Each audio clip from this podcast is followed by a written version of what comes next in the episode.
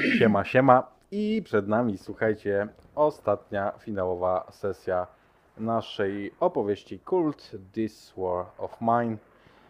Przedstawię jeszcze raz, bo może nas oglądacie na nagraniu, a na, raczej e, prawie na pewno nas oglądacie na nagraniu, bo, bo jest was zawsze więcej niż na czacie. Chociaż czat fajnie, że poczekaliście, bardzo miło z waszej strony. Z nami są, e, to zaczniemy sobie od drugiej strony tym razem, tak żeby nie było, e, nie było monotonii dreadu. Cześć. Je, jest Frycu, Siema. jest Michał Gołkowski, Nie wiem Jest. dlaczego jestem przedstawiany z imienia i nazwiska, ale trudno. bo masz markę, masz, sprzedajesz książki pod tym e, imieniem i nazwiskiem, robimy ci personal branding. jest Taki Iwona, product placement. Musisz jeszcze o książkę się oprzeć tam. jest Iwona Że niby nic, nie? i jest Jestem, Kartmasz. cześć. Jest, Wszystkich, którzy zapomnieli, bo tydzień czasu minął, więc to jest ważne. Dokładnie. tak, Od tygodnia tu siedzimy i czekamy na finał. tak, już Docencie. zdążyliśmy uprać rzeczy i, i wrócić. Już, już jesteśmy w takim stanie mniej więcej jak Pawle, nie? E, obstawiamy, czy w pierwszych pięciu minutach e, Wuko e, udzieli ostatniej pomocy. No nie wszyscy, nie wszyscy już jesteśmy razem. Po wojnie brakuje, nie był więc- tym samym człowiekiem. Tak. Przywdział czarne wtedy- szaty, założył koloratkę, zaczął dawać ostatnie namaszczenie. Wuko w, os- Wuko w ostatniej na ostatniej sesji już pozbyłeś się kolejnego, kolejnego typa, nie? Kolejnego Bena, tak. Macie z czatu jeden przerzut, e, macie jako ekipa. Więc po prostu jakby ktoś potrzebował, to macie przerzut, pamiętajcie o tym. Pierwszy nie udało się. jak mu na Chyba violence. Pawlo będzie potrzebował co najwyżej. Na twoich oczach, Wuko, bo ty jako jedyny to widziałeś, dziadek Zio wyszedł. Nie na twoich oczach zginął, ale doskonale wiesz, że to się stało. Pozostali nawet się nie obudzili.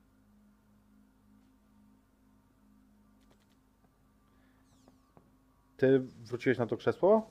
Dalej czuwasz po prostu czekając? Nie. Myślę, że jakikolwiek Wuko by nie próbował tutaj zgrywać zbawcy narodu i twardziela, tak on też musi się przespać.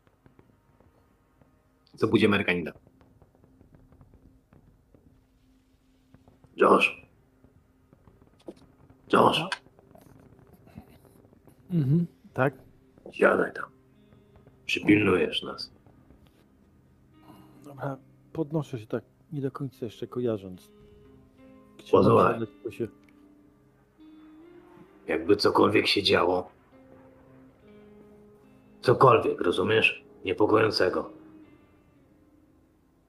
Mhm, To mnie obudź. mhm. Dobra. Dziadek już nie wróci. Mhm. Wuko zabiera karabin, bo aż tak mu nie ufa. I po prostu uwala się do ziemi. I Nie w takich warunkach już się spało. Ja siadam w takim razie i Okej, patrzę na świat. Nie jako na materiał dla zdjęcia, tylko własnymi oczami tak trochę. Jednocześnie starając się oczywiście robić to, o co zostałem poproszony, nie? No bo wreszcie mogę być przydatny. A w międzyczasie Wuko dostał utrudnienie z czatu. I widzisz, że pozostali śpią mniej lub bardziej niespokojnie. Tylko Pawle śpi jak kamień. Natomiast Nizar, on miota się. On się kręci w tym śnie, on, on przerzuca się, coś jęczy pod nosem. Nizarze,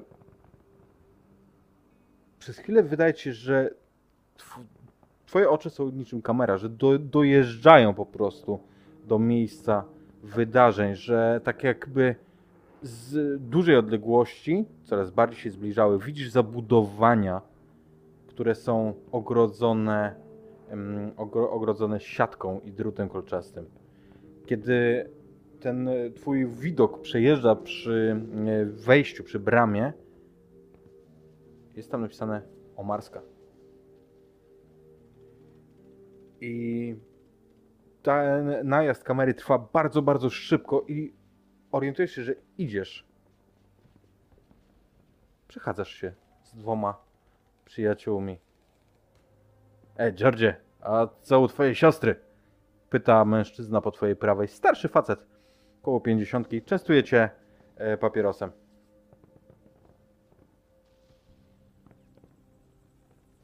Patrzę na nich. To są strażnicy?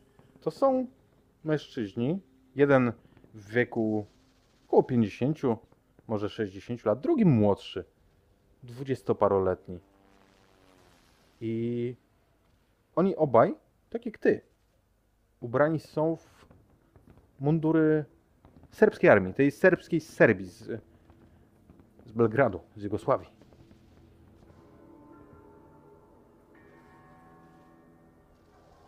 Wszystko dobrze, Georgie? Wyraźnie to... Się, starając się w ogóle umiejscowić sytuację. Co ci jest? To, do, dociera ci, że to do ciebie on mówi, Georgie. Że ciebie nazywa tym imieniem. Stoi do, z wyciągniętym do ciebie e, paczką papierosów. On ma w ustach już, już e, niezapalonego papierosa. Za nim stoi młodszy mężczyzna, bardzo do niego podobny.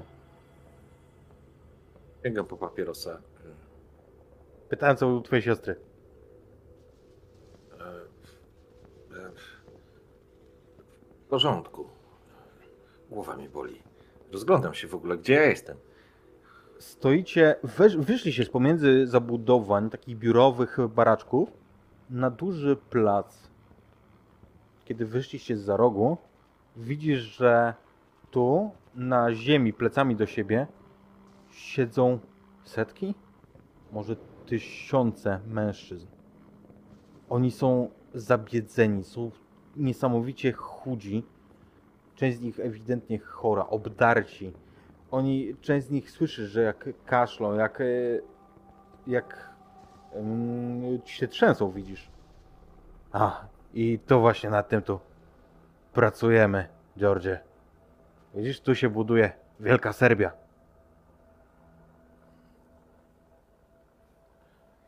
Ale co z, ni- co z nimi będzie? Jak to co? No poczekamy aż problem się rozwiąże. Przecież to jest genialne. My nie marnujemy na nich kul. A słońce, deszcz, zimne noce, gorące dni robią swoje. A i systematycznie w pierdol spuszczony dwa razy dziennie też pomaga. I no, może odpowiednia dawka głodu. Nie trzeba strzelać. Kule są drogie. Wielka Serbia tu się rodzi. Chłopak z Który uznaniem jest dzisiaj? Kiwa głową. Który jest dzisiaj? O, 10. 10 czerwca. Który rok? Coś ty. Chory jesteś? Coś mnie łeb boli. Który rok? 92. No jak to? Aha. Aha. Przeciągam się fajką. Rozglądam się. Aha. O. I Część tych mężczyzn, nie wszyscy siedzą w tych e, grupach. Część z nich stoi w rzędzie równym. Oni są, widzisz, to są wraki czołg ludzi. O, oni są wygłodzeni, ewidentnie pobici. Jeden z nich upada. Po prostu tak jak gdyby zemdlał, jakby stracił siłę. Widzisz, jak, jak, jak upadł. I nikt się nie przejmuje tym faktem. klepię się po wewnętrznej kieszeni. Czy ja w tej wewnętrznej kieszeni mam swój notes? Nie. Nie masz. Natomiast widzisz, że temu mężczyźnie coś wypadło. I to jest jakiś notes. Ruszam tam natychmiast. Ruszasz, ale wyprzedza cię ten młodzieniec. Ten, który był z e, twoim towarzyszem. I on kopie z roz... tak jak piłkę, gdyby kopał, kopie twarz tego mężczyzny, który upadł. Widzisz, jak ona odlatuje w ogóle bezwładnie, a ty nagle wiesz, że pomimo tego, że ten chłopak się śmieje, on, on jest radosny, to wiesz nagle, że ten więzień to nie jest żaden MB 1248. Tylko, że to jest Radosław Stojanowicz. Ty to wiesz. I wiesz już, co zawiera dalsza część. To znaczy, wiesz, czego nie zawiera końcówka jego wspomnień. Ten e, młody mężczyzna kopie raz jeszcze, ale widząc, że ten nie reaguje, że to jest po prostu już wrak, że to, tu, tu nic z tego nie będzie, wraca w waszym kierunku, powoli, uśmiechnięty, zadowolony z siebie. A ty wiesz też, że żona Radosława, Nina, jego córka Daniela, one zostały przewiezione do Ternopolia, do drugiego obozu, tam gdzie przewozi się kobiety, dzieci, starców. I tam... Piekło, ale tam mają szansę przeżyć. Mimo wszystko. Wiesz o tym doskonale. I wiesz co? Widzisz, że ten mężczyzna na ziemi się poruszył. On jeszcze, jeszcze się poruszył. A ten młody, młody facet, który wracał taki zadowolony, usłyszał to, odwrócił się i rozpędza się, by kopnąć raz i jeszcze. I to ty jesteś mężczyzną leżącym na ziemi. Widzisz, widzisz tego oszalałego z wściekłości faceta. Widzisz, że ty wiesz doskonale, że ten kopniak zakończy sprawę. Nie masz wątpliwości w ogóle, nie masz ani przez chwilę, ale to, co ci towarzyszy, to jest absolutny strach. Nie strach o to, nie strach o to, co- że to się skończy. Strach o to, kto uwolni Ninę i kto uwolni Danielę. Kto stąd ucieknie i im pomoże. Jedyną rzeczą, którą przed śmiercią Radosław chciałby wykonać, całym oszalałem już panice, tak naprawdę, nie o siebie, jak powiedziałeś, tylko rodzinę, to próbuje się wystawić jeszcze do takiego kopniaka, który spowoduje, że on umrze po prostu, zabije go to uderzenie, ale tylko po to, żeby sięgnąć po notes, który wypadł i go odrzucić do więźniów, do, do kogoś. Może ktoś to znajdzie, może ktoś to po prostu zachowa ze sobą, ucieknie, bo on już tego na pewno nie zrobi. Tak, i złapałe, złapałeś go i, i gdzieś tam wy- odkolowałeś, tak, żeby spod nóg. Tak, żeby po prostu tamten tego nie przejął. Wiesz, Wiesz- dla niego już jest wszystko jedno, ale ten notatnik, pamiętnik jest kluczem, jest jedyną śladem tak naprawdę po reszcie rodziny Stojanowicz. I jak on przepadnie, to oni znikną po prostu ze świata. I w tym, tym, tym, w tym całym bólu, w tym całym zniechęceniu, ty ta, nawet tego kopnięcia to nie czułeś za bardzo. Nie, ono nie zrobiło ci wielkiej różnicy. Poczułeś tylko jak spadasz w ciemność, jak, jak toniesz. I słyszysz jak ten mężczyzna, ten starszy, który ich prowadził, mówi Wuko, zostaw go już. Daj spokój, już po nim. Nizarze, budzisz się. Ja myślę, że Nizar wstaje po prostu z krzykiem. Natychmiast, wiesz, posuwa się po, po, po całej ścianie. Mrożony, spocony, przerażony. Dzieciaki, które były przytulone, one po prostu są zrzucone. Wtedy, wiesz, spoglądam się na Wuko. Po prostu na niego patrzę. Śpi. Przyglądam się. Patrzę na jego twarz. Czy, czy ona jest podobna? Czy, czy, To jest ta twarz. czy jak. Niemożliwe.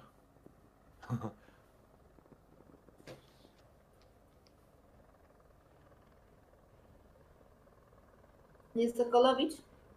To już wstajemy? Musimy już iść? Myślę, że na tyle, jasno. myślę, że na tyle lekko śpicie, że jak Samra się odzywa, to wszyscy się budzicie.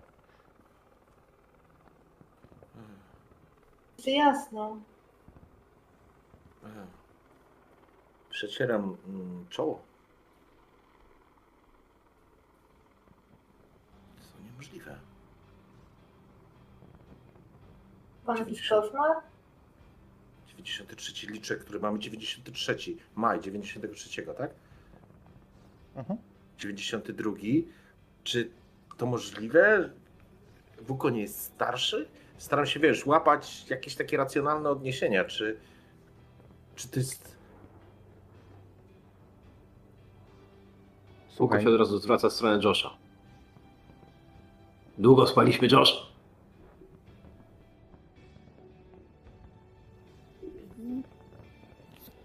Nie, ja tak zupełnie jakby wybity z rytmu. Totalnie nie spodziewałem się, że on się mnie zapyta o godzinę. Patrzę na zegarek, który ja mam cały czas na ręku, w którym się baterie wyczerpały ze trzy miesiące temu. Nie, niedługo, ale już jasno. Jest już niedługo. Dobra, musi wystarczyć. Patrzę na swój zegarek. 45 minut. Trudno. Zbierajcie się.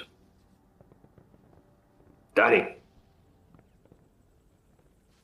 Co robi Nizar? Samra. Przecież stoję. Nizar cały czas wpatruje się w, e, Wuko, jakby szukając racjonalnego połączenia między tym, co widziała, a tym, co wie o tym człowieku. A właściwie uzmysławia sobie, że nic nie wie o tym człowieku. Absolutnie nic nie wie o tym człowieku. Wiesz, y, to co widziałeś we śnie, tamta twarz była mniej posieczona zmarszczkami, mniej zmęczona. Młodsza, tak, młodsza, ale czy to było rok temu, czy to było 100 lat temu? Na pewno tamten człowiek przeżył mniej niż, niż Wuko, którego ty znasz. Mhm. Mhm. No dalej, ruszać się, ruszać. No ja się garniam Dobra. tak dość szybko. Zbierzcie resztki jedzenia. Kości też. Ja Wodę. w sumie Tarik. chyba nie spałem, nie wiem, więc ja Jest dziadek. wydaje mi się, że ja się zajmę Samrą. To znaczy jakby... Gdzie jest dziadek? Jak można zająć dzieckiem. Josh, ale- gdzie jest dziadek? No spokój Eee, się. tak Patrzę się na Dziadek już Wuko. nie wróci. On Co to znaczy nie poszedł. wróci? Snajper Gdzie go poszedł? zabił. Co? Zabił go snajper.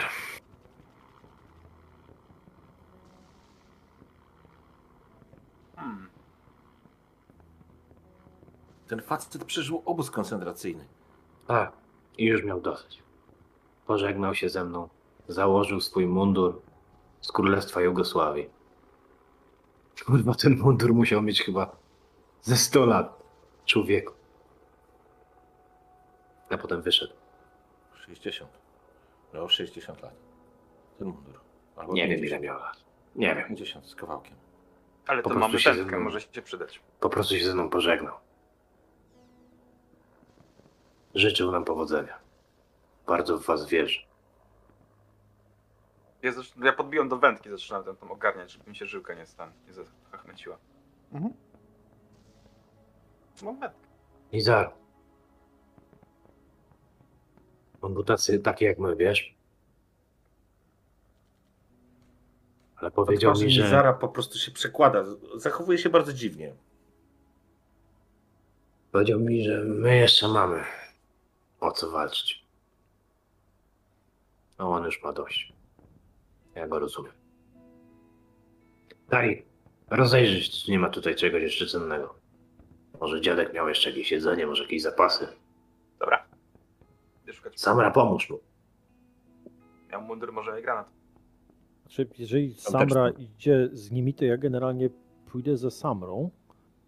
Natomiast mam z tyłu głowy jeszcze coś takiego, że patrzę się na nią, patrzę się na ten aparat, który ona cały czas targa na piersi. Tak myślę, że trzeba jej przewiązać pasek, żeby był krótszy, żeby się aż tak nie majtał na brzuchu strasznie. Ale po raz pierwszy rozglądam się po jakimkolwiek wnętrzu tutaj jako nie turysta.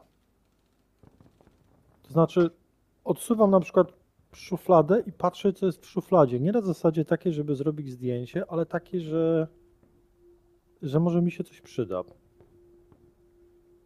Jakby do tej pory zawsze byłem obok tego wszystkiego. No i miałem rzeczy, jeżeli je dostałem od ludzi, albo jeżeli mi dosłownie wpadły w ręce. A jakby Josh Summers Jr. po raz pierwszy ma taką myśl, że może wchodzić w interakcję z otoczeniem. To znaczy, że okej, no jakby jest wojna, więc no Wuko na przykład ma pistolet i w zasadzie ja też mógłbym mieć coś. Po raz pierwszy się czuję zagrożony w jakiś sposób. Nie wiem dlaczego. Może dlatego, że oddałem. Może dlatego, że oddałem ten aparat. który do tej pory był takim talizmanem w sumie, który sprawiał, że byłem obok tego wszystkiego i teraz obok jest dziewczynka, a jako, że ona jest obok, to trzeba się upewnić, żeby ona została obok, to znaczy, że gdyby cokolwiek miało zamiar sprawić, żeby jej się stała krzywda, to trzeba temu zapobiec. To jest taki dość skomplikowany strumień świadomości. Ale uświadamiam sobie, że ja nawet nie mam porządnego scyzoryka na wypadek, gdyby cokolwiek. Więc tak, oni będą łazić po tym mieszkaniu, szukać przydatnych rzeczy. Prawdopodobnie większość tych rzeczy przydatnych, które tutaj będzie, oni w ogóle miną, bo mają takie rzeczy od roku. A ja w sumie nie mam nic, więc chyba zacznę zbierać jakiś. No nie chcę mówić, że zestaw małego przeżywacza, ale ja nawet noża nie mam. Słuchaj, to mieszkanie jest dosyć, dosyć skromne, ale są podstawowe sprzęty w nim jeszcze zostały, choć ewidentnie uszczuplony jest ich stan, to znaczy albo on potracił, albo porozdawał. Natomiast e, powiedz mi, co, Mhm. co chcesz znaleźć z takich rzeczy, wiesz, klasycznego gospodarstwa domowego, a prawdopodobnie to tam będzie. To, co natrafiasz na pewno, to jest zdjęcie. Kolorowe zdjęcie przedstawiające małego chłopca w odświętnym garniturze, ma zawiązaną na, pod kołnierzem białej koszuli aksamitkę i podpis na tym zdjęciu dodany jest kochanemu dziadkowi Boris. Ale czy w jakikolwiek sposób kojarzę może tego chłopca, czy... Nie, może może jest faktycznie trochę podobny do Zia, ale nie widziałeś tego chłopca nigdy.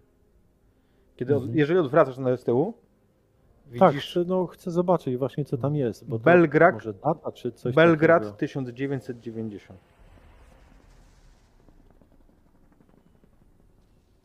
Nizar. Co z tobą?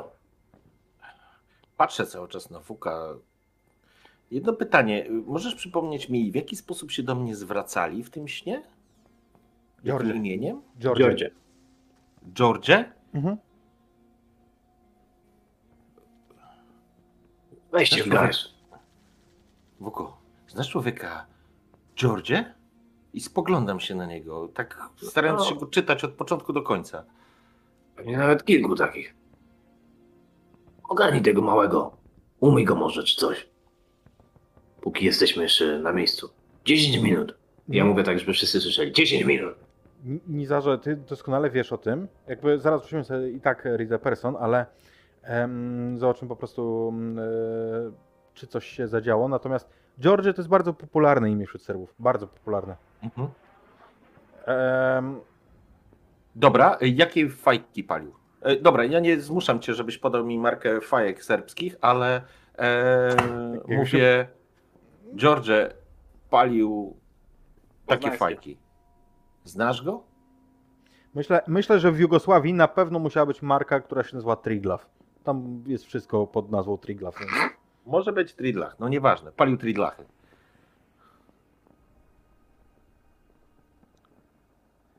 Chcesz, sobie, Większość w wojsku paliła triglawy. chcesz sobie rzucić na mm, Keep It Together? Mogę. Zoba- zobaczymy jak twarz. Mhm. Ma to sens.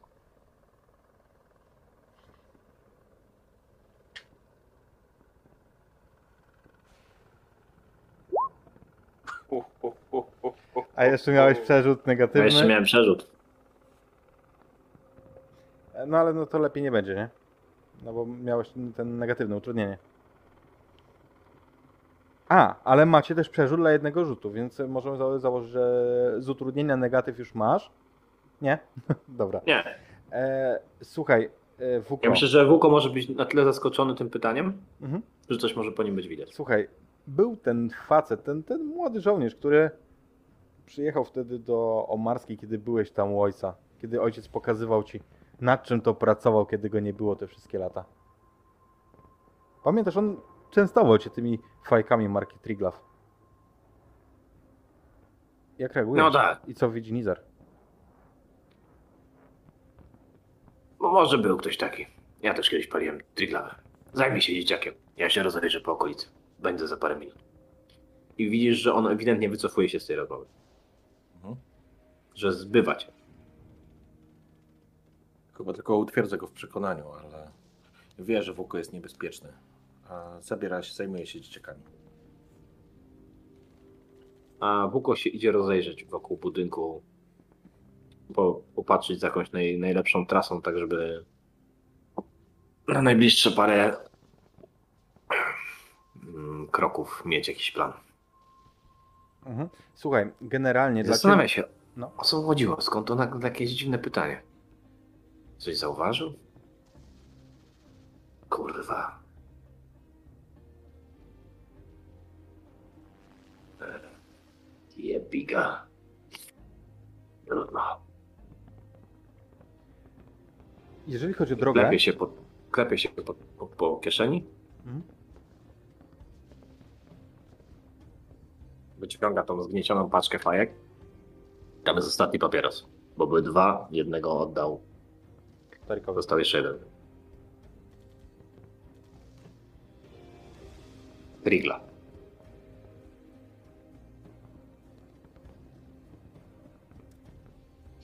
Kiedy wychodzisz, palisz, Aaaa, widzisz wyraźnie zwłoki, zwłoki dziadka Zia.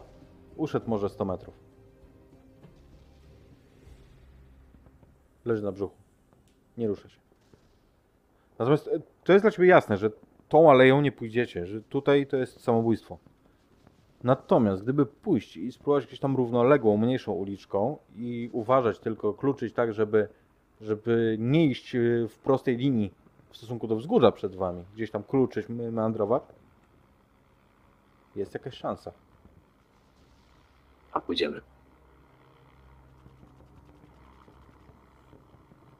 Jak I Pawle, jeszcze tylko chciałem dodać, że jakby Wuko jak wróci, to tak zupełnie machinalnie. On, on wróci jakby pa- paląc tego papierosa tak odruchowo. Będzie zupełnie gdzieś tam rozglądał się.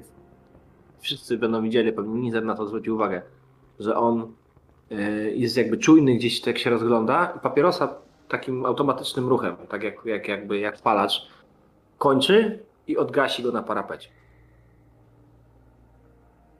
I zostawi tego kiepa tam. I zacznie się krzątać, coś tam robić innego. Broń sprawdzać, cokolwiek. Pawle budzi się. Dobra, jednak udało się Zedu zagotować mnie czatem. Mm, Pawle budzi się razem z wami. Już nie jest, nie, nie, nie jest to ten chłopiec, który leciał z nóg. Kiedy rozejrzał się po was, nie było wujka? Szukamy go dalej, Pawle. Dobrze, to jakbyście go zobaczyli, jak ja nie będę patrzył, to, to, to niech pan powie, dobrze? Tak, tak, Pawle. Będzie dobrze. Samra, gotowa?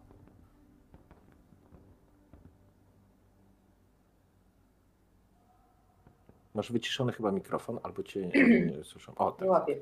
Tak,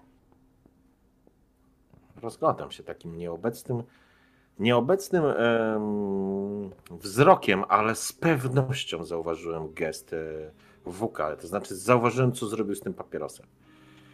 I będę robił wszystko, żeby ostatni wyjść z tego pomieszczenia. Razem z Pawelem. Paweł. Paweł? Pawele? Pawle, Pawle, Pa- Pawle z Pawlem. Pawle. Mhm, z Pawlem. Nie sądzę, żeby ktoś miał coś przeciwko, nie znając tej intencji, więc... W porządku, ja po prostu młodego ogarniam, sa- sam, że pomagam, jeżeli w czymś jest potrzebne i czekam aż Josh i Tarik skończą oględziny dziadkowego dobytku. Mhm. Ja znalazłem tam właśnie cokolwiek, co można by uznać za przydatne w jakikolwiek sposób. Tak. Co znalazłeś? Myślę, że rzeczą, którą na pewno znalazłem jest w jednej z szuflad. Kitrane gdzieś głęboko, może zupełnie niepotrzebny, tak naprawdę nieużywany. Byłby jakiś kawał mocno starego bagnetu. Myślę, że tak, Taki bo dziadek... Klasyczny, klasyczny bagnet od Mausera po prostu, wiesz, ten z- w takiej solidnej, żelaznej pochwie Słuchaj. z trzewikiem. Grzebią, grzebiąc po tym e, mieszkaniu, po, po zakątkach, widzicie, że dziadek Zio miał sporo pamiątek z armii jugosławiańskiej, więc myślę, że tak, że to jest do zrobienia. Patrzę, wiesz, na niego, jakby jest to no, kawał żelaziwa, ale tak wyciągam go, wiesz, obracam w ręku, jakby kurde, mamy tu wojnę. Mamy tu wojnę, a do mnie dotarło, że ja właśnie prawie rok tego cholerstwa przeżyłem z gołymi rękami. I bez magicznego aparatu nagle nie jestem do końca pewien jak. Więc tak, zdecydowanie gdzieś, gdzieś go upchnę w tę moją magiczną kamizelkę. No, no, Próbuję czegoś nowego. ale Majcher znalazłeś. No.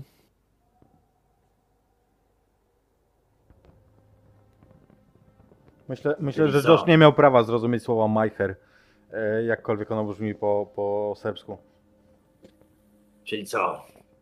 Jednak będziesz próbował, co? Amerykanec? No. Trzeba jakoś poradzić. Pamiętasz, że to pytałem, jak poszliśmy nad wodę? Mhm. Do tego ci się przyda. Wokół uśmiecha się do niego takim wilczym uśmiechem z zestawem zębów.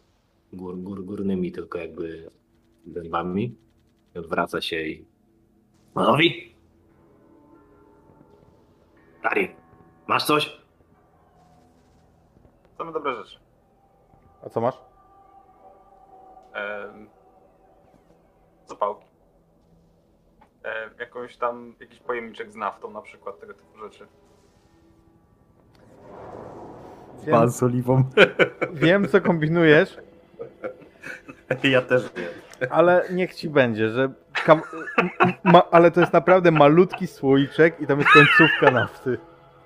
Nie da się zrobić z niego granatu, bomby i nie da się podpalić ludzi żywcem.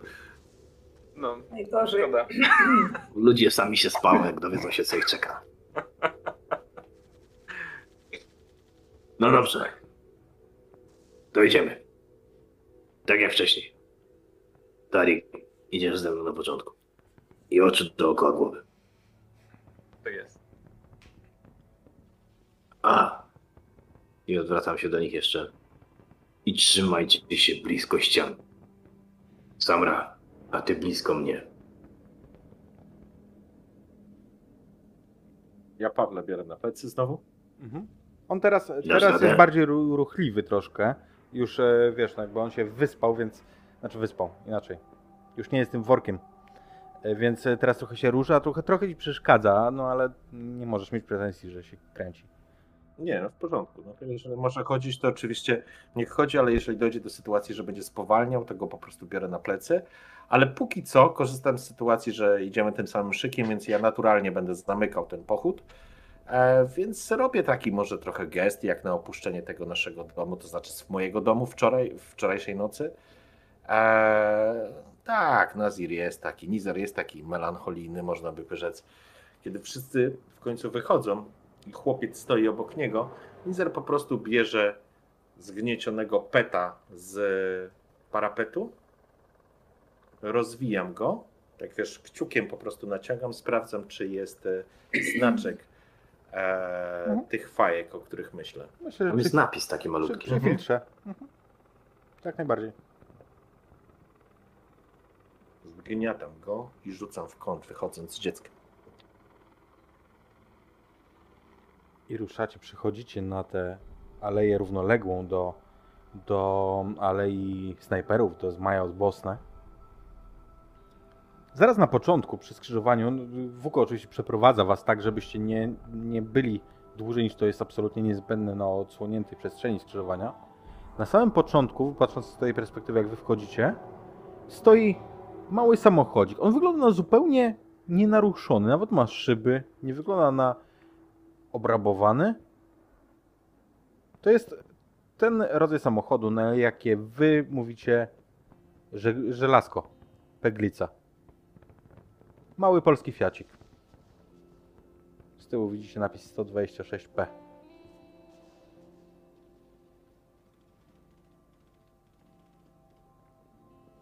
Ja Wszyscy się się do staram niego nie zmieścimy. tak, żeby mieć samrę na, na oku cały czas i może nie to, że pilnować dziewczyny, bo nie umiem, ale zerkam na nią. Trochę tak jak objawienie wygląda ten samochód pośrodku tej ulicy. Znaczy on, on jest przypa- e, przy, przypruszony i tak dalej. Chodzi mi o to, że on nie jest zniszczony, nie jest e, powiedzmy szyby nie zostały wybite, on nie jest e, gdzieś nie, nie dostał odłamkami. On jest przypruszony, siwy. To nie to, że on stoi czyściutki na środku i świeci, nie? E, no natomiast Podlatuję do niego. mhm. kiedy łapiesz za klamkę, jest zamknięty. Zamknięty. Obiegam go, zobaczę drugie drzwi. Ja spojrzę Też natomiast na Wuko, samrę. ty widzisz, jak, jak Tarik próbuje wybiec, do, czy wybiega na drugą stronę, on doskonale wtedy wyłazi na odsłonięty teren. Z drugiej strony, od strony ulicy. Gleba! Cofam się i glebuję. Ja. s- O dobra, to zepsuliście mi to, co chciałem zrobić. No dobra, bo chciałem narysować uśmiechniętą buźkę na szybie, ale jeżeli Wuko mówi, że gleba, to znaczy, że nie jest dobry moment na rysowanie uśmiechniętej buziek. Wracaj, kurwa! Zwariowałeś! Ale co? Co? A, rozglądam. A, Wskazuje w stronę wzgórz. mm, tak. Trochę klop. Ale to on ten samochód jedzie? Nie, W sensie stoi, on tu, jest, on tu jest Nie no, ale to A, jest, wiesz, to jest moje, tak, to jest moje okej, pytanie na myślałem, głos. Myślałem, nie? że to jest Tak, pytanie do mnie. Nie, nie, nie, nie, nie, nie, to jest moje pytanie na głos. Tak wiesz, bo patrzę się na nich i na ten samochód, jakby, który dla mnie jest bardziej elementem wystroju. Fragmentem Nie, nie. nie? Wiem. Zanim zdążę go otworzyć, toś mi odstrzeliłem. I tak nie ma benzyny. Idziemy. Chodź, Tari. Zostaw to. No i Myślałem, że masz trochę więcej oleju we łbie. Jeśli kurwa pobiegł. Ślepy jesteś. Ja tylko w takim razie rękawem przetrę szybę, żeby zajrzeć do środka, czy z ciekawości zwykłej. Wygląda jakby był posprząt, posprzątany. Wiesz, jakby ktoś planował, nie wiem, jechać do kościoła może. Ale nie, nie widzisz tam żadnych śmieci, żadnych szparagałów. Natomiast to jest niesamowite, że że ominęły go kule, że on ani snajper dla zabawy nawet nie strzelił sobie w szybę. Ani żaden odłamek e, nie wybił po prostu szyb. To są pierwsze szyby, tak do, dociera do ciebie Josh, jak tu wyczarłeś tą szybę. Pierwsze szyby od jakiegoś czasu, które widzisz. Patrzę trochę na Samrę, na ten samochód. Tak znacząco, nie tak jakby pokazuje jej, że, że to jest fajna rzecz, którą można by.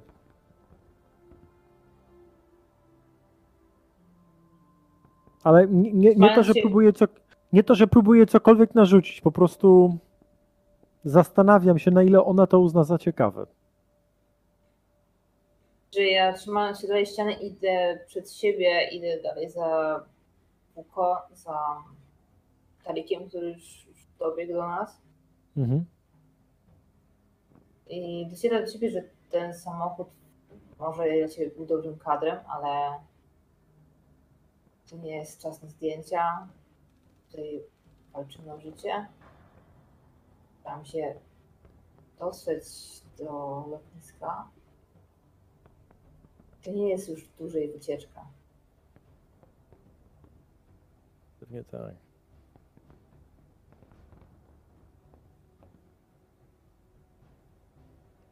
Pozostali No w dobra, międzyczasie. Tarik oczywiście gdzieś tam zebrał Zbieram się, się już, za już Ja ich poganiam. Idziemy. Idziemy, idziemy, idziemy. przemykacie. Czasami widzicie ludzkie sylwetki wewnątrz w budynkach, no bo przecież wiecie, że w mieście są ludzie, to nie jest tak, że wy zostaliście tutaj. Gdzieś tam przemykają się, wiedząc, że wiedząc, że po prostu nie podchodzić do okien to jest dobra recepta.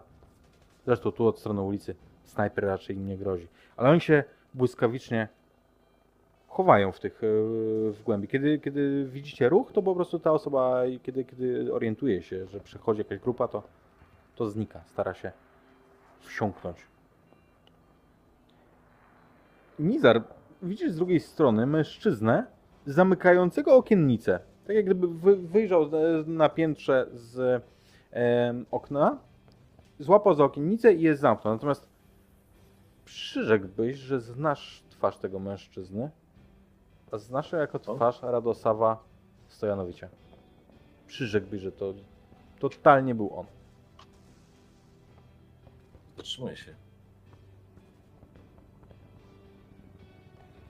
Pozostali możecie widzieć, że Nizar się zatrzymał, natomiast nic więcej. Chodź! Ja jeszcze robię parę kroków. Widzą, że on jakby po prostu pójdzie. Jest jakieś wejście do klatki? Tak.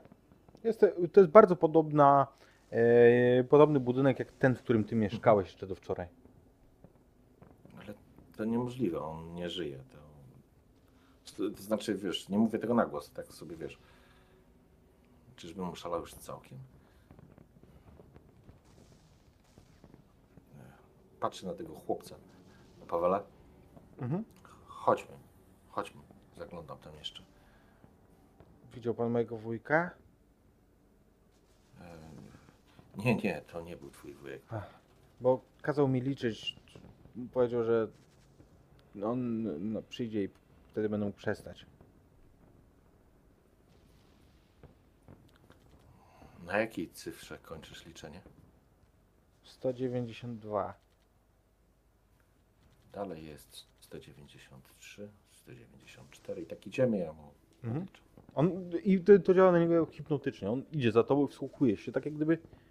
Mhm. Że ty masz to poczucie. To, w którym się zakochałeś jakiś czas temu, że ty uczysz. Że on coś wyłapuje z tego, co ty mówisz. I to nie jest tak jak na niektórych lekcjach, kiedy miałeś dość tych gówniarzy, którzy mieli w dupie to, co ty mówisz do nich. Pomimo, że ty chciałeś jak najbardziej im przekazać wiedzę o świecie. On autentycznie słucha. I przebiera tymi nóżkami za tobą. Jak idziecie, posuwacie się dosyć szybko takimi skokami, raz w prawo, raz w lewo, Wuko, Wuko gdzieś tam szuka naturalnych osłon, żeby, żeby nie być w otwartym, żeby nie pokazać sylwetki, bo wiecie, że tam są snajperzy. Na pewno tam są. I prze, przeskakujecie takimi susami, w prawo, w lewo. Chłopiec momentami nie daje rady, ale stara się bardzo. Znaczy, jeżeli wiesz, jeżeli jest problem, to go biorę po prostu na plecy, tak jak wcześniej i tyle. Szybciej, szybciej! I przemykając tak, stopniowo, stopniowo, ta ulica zbiega ku, ku rzece. Ona łączy się z tą z Majot Bosne, ale ci z Was, którzy znają topografię miasta, czyli na pewno Nizar i na pewno Tarik, wiecie, że one się tu zbiegają ku mostowi. I ten most przechodzi na drugą stronę, tam jest już... Musicie tu przejść, to jest ostatni most. Dalej jest już wioska Ilidża i wychodzi się z Sarajewa, ale, ale lotnisko jest tam. Musicie przekroczyć rzekę w tym miejscu. Także kiedy ym, ulica, którą szliście, nie pamiętacie nawet jej nazwy, zbiega się z tą główną, to wiecie, że to już blisko. Tylko teraz, jak za dnia przekroczyć ten most? WK. No, to jest problem. To trzeba wymyśleć, jak będzie się można przedostać na drugą stronę. Ja bym chciał, żebyśmy weszli do jakiegoś budynku, który jest niedaleko tego mostu. Na ro... Idealnie na rogu. Takiego, który miałby jakiś dach albo wysokie piętro, tak żebym ja mógł wejść na górę. Są tam budynki i one tutaj, jako że jesteście blisko tych wzgórz, bliżej niż ulica Logawina, gdzie, gdzie zaczynała się ta opowieść, to tutaj te budynki są wyludnione. Tutaj, cóż, z tej strony walą. Bardziej niż z innej. Dobra. Schowamy się tu na chwilę. Ja muszę się rozejrzeć. Napijcie się. Odpocznijcie chwilę. Ja idę na górę. Biorę karabin i idę najwyżej jak się da. Jeżeli są jakiegoś rodzaju przeszkody, typu drzwi czy coś, to tu rozwalam Nie, jakby nie, te nie, zamki. nie, Przebijam się. Nie, nie, Chce się dostać na dach? w to. Mhm. albo na najwyższe piętro. Myślę, że na, I na najwy... okna w stronę mostu. na najwyższym piętrze masz pokój, który jest narożny, więc możesz tam wyjrzeć oczywiście wybitymi oknami, ale i w stronę mostu, i w stronę wzgórz. Tylko ja robię tak, że przysuwam sobie stół i krzesło, tak dobre półtora metra od, od krawędzi ściany. Opieram karabin, siadam i przez karabin się rozglądam najpierw daleko na linii jakby nad mostem. Mhm. Dopiero potem zbliżam się do ściany, ale też nie przy samej ścianie i pod kątem zerkam na most, tak żeby być schowany większością ciała mimo Jasne. wszystko za murem. Ty wiesz, jak to robić, jesteś doświadczony. Słuchaj, na moście nie widzisz wojska. Po drugiej stronie, trochę na lewo, jak patrzysz, tam gdzie są te zabudowania e, grbawicy, tego dużego osiedla po drugiej stronie, tam widzisz już nie tylko pojedyncze sylwetki, ale widzisz tam normalnie zgrupowania, ale wiesz, że to, dobrze, to, to są regularne serbskie wojska. Natomiast kiedy lustrujesz w drugą stronę na wzgórzach, wiesz gdzie szukać, wiesz jak pracuje snajper. Widzisz te pozycje. Jeden z nich przyczaił się na przykład na wzgórzach, gdzie są zabudowania, jakie zostały po Igrzyskach Olimpijskich w Sarajewie sprzed niespełna 10 lat. Pamiętam doskonale, że jako dziecko strasznie się podniecałeś tym, tą imprezą. To było niesamowite, że cały świat patrzył na Sarajewo, na Jugosławię. Wszyscy tu byli, tylu obcokrajowców. Teraz na tych pozycjach, pomiędzy tymi niszczyjącymi zabudowaniami sportowymi, tymi obiektami, tam są doskonałe gniazda dla snajperów. Chodzę na dół. Co w międzyczasie się dzieje na dole? Kiedy weszliście, kiedy Wuko powiedział, że idzie się rozejrzeć. Pawle gdzieś tam em, zaczął, zaczął myszkować po szafkach tego, tego mieszkania Nizarza. Wołanko. Przychodzi. Po imieniu go wołasz, on, on przychodzi od razu, jest bardzo posłuszny. Siadaj tu i czekaj, odpocznij. Mam okazję odpocząć. Tak, Sam siadam też. I daję wody i Samrze i, i, i Pawle. Sokolowicz? Jeszcze Ja- raz, sorry. Panie, Aha, okej, sorry. panie Sokolowicz? Spoglądam Widzę, się że- na ciebie. Widzę, że coś jest nie tak. Coś się pan bardzo martwi. I ja tak y, wstaję, coś tam sugeruję tak, żeby, żeby tą rozmowę przenieść nie przy chłopcu. Mhm. E, Erik, weźmiesz na chwilę młodego? Wezmę. Przecież może znajdziecie. Tak z Pawle. Obracam się do Samry. Co się stało, Samro? Coś nie tak z Pawle?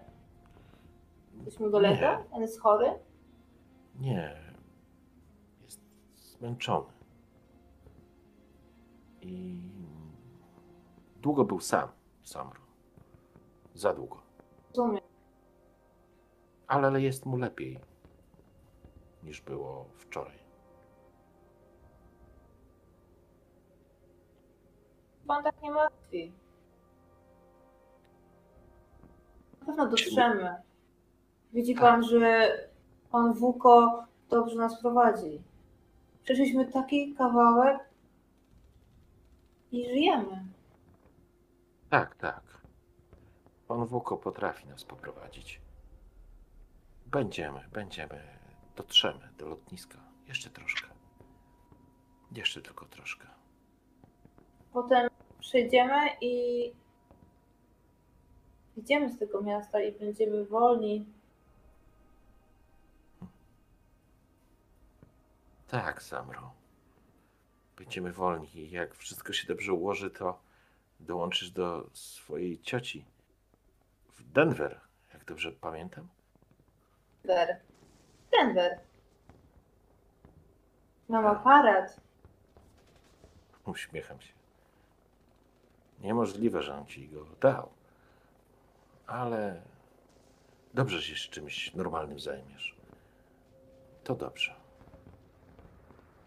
Te zdjęcia w Ameryce. Obiecaj mi, że jak będziesz w Ameryce, to pójdziecie na mecz NBA. Tam jest taki zespół Denver Nuggets. Zobaczysz, to piękne show. Proszę pana. Wiemy. Może pan też pojedzie do Ameryki? Może tak, może tak. Ameryka jest piękna i duża. Czy Josh może słyszeć tą rozmowę? Ja myślę, że tak, bo jesteśmy chyba w tym samym pokoju, tylko odeszliśmy, chodziło o to, Myślę, tak jak rozumiem. tak, tak. Tak. Że, Jakby- Proszę. podpytać o Pawła, pa, Pawle i dlatego Jasne. A Josh, ty jakby to bez problemu rozumiesz, naj, najmniejszego. Ameryka to Ameryka, po, Mhm. po, po, Merrick. Także świetnie rozumiesz, że rozmawiam o twoim kraju, o, o jego wielkości, o Denver. W sumie jest to dla mnie zabawne, że oni oni zdają się bardziej o tym kraju mówić i myśleć w tej chwili niż ja. Ale kiedy tak słyszę tę rozmowę, to wiesz, pewnie reaguję na, na nuggetsów, nie? Ale takie ona będzie umiała robić ładne zdjęcia. Mówię. Tylko musi pamiętać, żeby naciągnąć kliszę. Będziesz pamiętać? Tak. Pan myśli, wiesz, do Mizera się zwracam, że ta jej rodzina, ta jej ciocia, to da się ją znaleźć? Możemy spróbować. Tak. Można zapytać, po prostu, na pewno to się zna w mieście. Tak, przecież Denver to taka mała mieścinka. Uśmiecham się tylko porozumiewawczo do Josha. Naprawdę? Ja, Mniejsza Ja niż Sarajewo? Przypuszczam, że Josh totalnie nie złapie dowcipu. Ponieważ on jest jednak, wiesz, przyzwyczajony do kalibru New York City, więc Mhm. tak, w sumie no, Denver jakby... Poszukamy, poszukamy twojej cioci, Samro.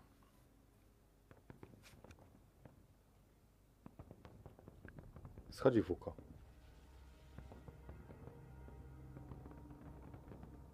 Po drugiej stronie dużo Serbów wybierają się, ale dalej tam jeszcze w ich dzielnicy. Na wzgórzach są snajperzy.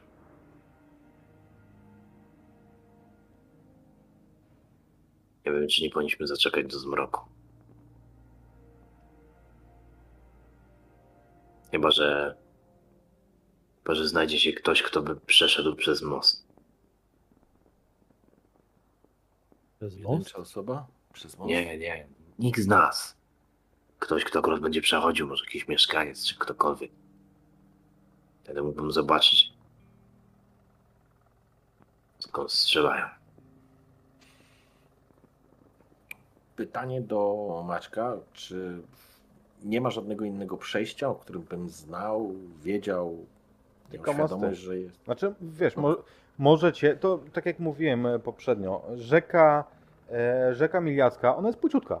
Wy możecie ją dowolnie przebrodzić, natomiast ona jest w takim korycie pośrodku miasta, e, gdzie no tam z każdej strony jest taka kamienna burta jakby, która ma 4 metry.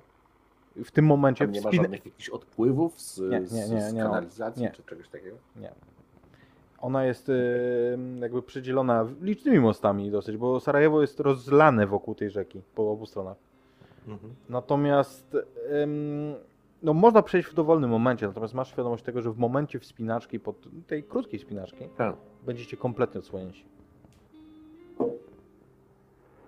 Wszyscy nie przebiegniemy. Chyba nie mamy wyjścia, to niepotrzebne ryzyko. Oni nie są ślepi. Będą strzelać do dzieci, to skurwysyny.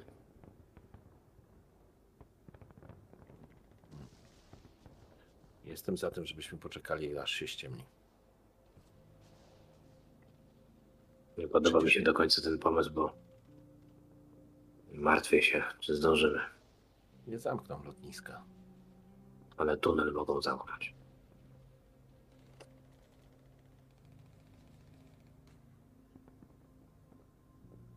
Zawsze jest Coś trzeba jeść.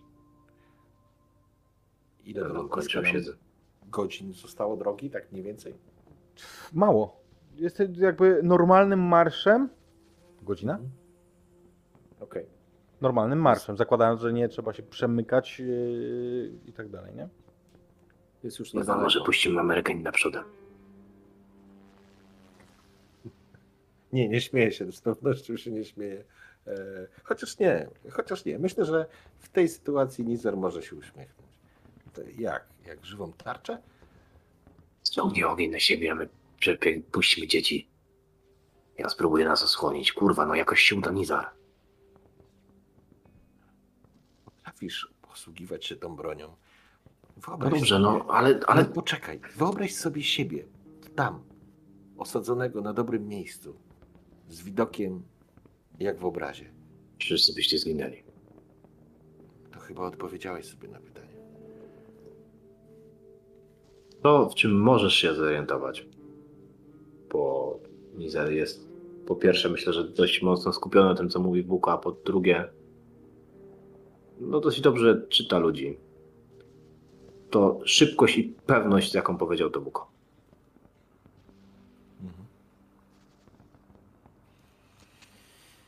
Kurwa, masz rację.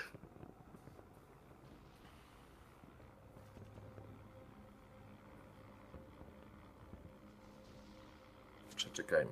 Mam złe przeczucie, wiesz? Ostatnie godziny te same złe przeczucia. Zaczyna mi się w wełbie mieszać. Jeszcze kawałek. Samra! Samra! I co? Zrobiłaś jakieś zdjęcie?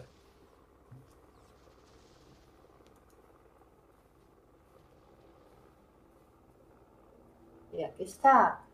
No wiesz, że nigdy nie robiłem zdjęć. Najpierw zerknął się na Josha, ale jeżeli nie zobaczę Znaczy, ja też tak patrzę jakiegoś-. Ja patrzę o tyle, że mam wrażenie, że mi Wuko trochę wchodzi w kodę, jakby włazi mi w to, co do tej pory było moją prerogatywą, ale po prostu obserwuję, patrzę, nie? Jeżeli zobaczę twoje spojrzenie pewnie takie pytające, Mój ojciec kiedyś miał aparat. Zrobił jakieś zdjęcia. Przepraszam? Chce pan spróbować? Nie. Nie mam oka.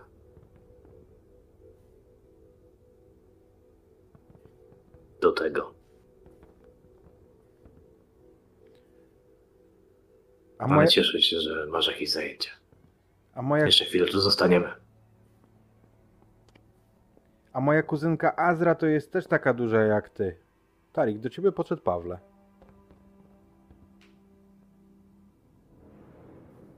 Taka duża jak ja? Mhm. Już miała iść niedługo na studia. I tu mieszka w mieście? Tak.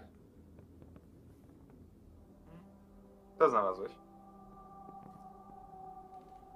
No, nic w sumie. Zacząłem szukać, ale pan Nizar kazał przestać. To zobacz, może jakieś ubrania znajdziesz, żeby się przebrać. I on znowu zaczyna myszkować po tych. Kiedy, kiedy dorosły pozwolił, to on e, zaczyna myszkować tutaj przy was, e, jakby w, tych, w tym pomieszczeniu, gdzie wy jesteście. A zaczyna gdzieś tam grzebać, wyciąga jakieś salaterki, które jeszcze zostały. Mm, W międzyczasie, Przeglądam, co jeszcze jest w tych pomiesz- w kladach czy szafkach. wiesz co, on wyciągnął coś, czego Josh na pewno, ty wiesz, chociaż nie. Nie wiem, czy ktokolwiek z was wie, co to jest. Ale to są płatki. Jest paczka taka foliowa, a w niej są opłatki z wytłoczonymi scenami religijnymi. To nie jest e, zwyczaj, który, który by ktokolwiek z Was chyba praktykował albo znał. Ja mogę znać. Dlaczego? Przypominam, że bo mój ojciec był katolikiem. Ale chorwacki. Chorwackim. To nie? To... To jest polski zwyczaj. A, okej. Nie wiedziałam. No, także, także nie sądzę, żeby ktokolwiek e, znał, ale widzisz, że dzieciak z, w, znalazł coś, coś co wygląda jak kawałki sztywnego papieru. Po czym jak to otworzył, ugryzł kawałek i zaczął to jeść. Zostaniemy Ładny tutaj chwilę. pomysł, żeby jeść papier. Chyba płatki. Głodnemu chleb na myśli, nie? Dopóki nie zacznie się ściemniać. Jakby o tyle, o ile kształtu y, takiego nie widziałaś Samra, to kiedy on to je, no to jakby wiesz, no sama idea opłatka to nie jest coś nie, wiedza tajemna, nie? Jakby. Okej. Także wy wszyscy ogarniacie, no jakby co to jest, tylko po prostu w tym kształcie nie widzieliście. Ja tak słyszę to, co Wuko mówi, takie mam, ale to do wieczora? Inaczej nie przejdziemy przez most. Przebierzcie się w ciemne ubrania, zjedzcie coś, napijcie się, odpocznijcie. Potem będziemy musieli bardzo szybko biec. Słyszałeś, Pawle? Umiesz szybko biegać? Proszę pana, tak. Byłem raz na zawodach. To będziesz musiał biec szybciej niż na zawodach. A, Wiesz dlaczego? no Bo jak włóko będzie biegł za tobą. wtedy byłem drugi, Luka był szybszy. Przepraszam. Szybko biegam. I co się stało z Luką? Nie wiem.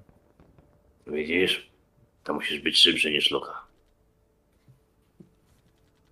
Dobra. Ale ja wtedy przeg- przegoniłem wtedy Nevena.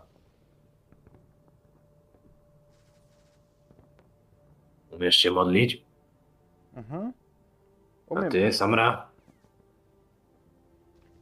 To módlcie się, żeby nie strzelali.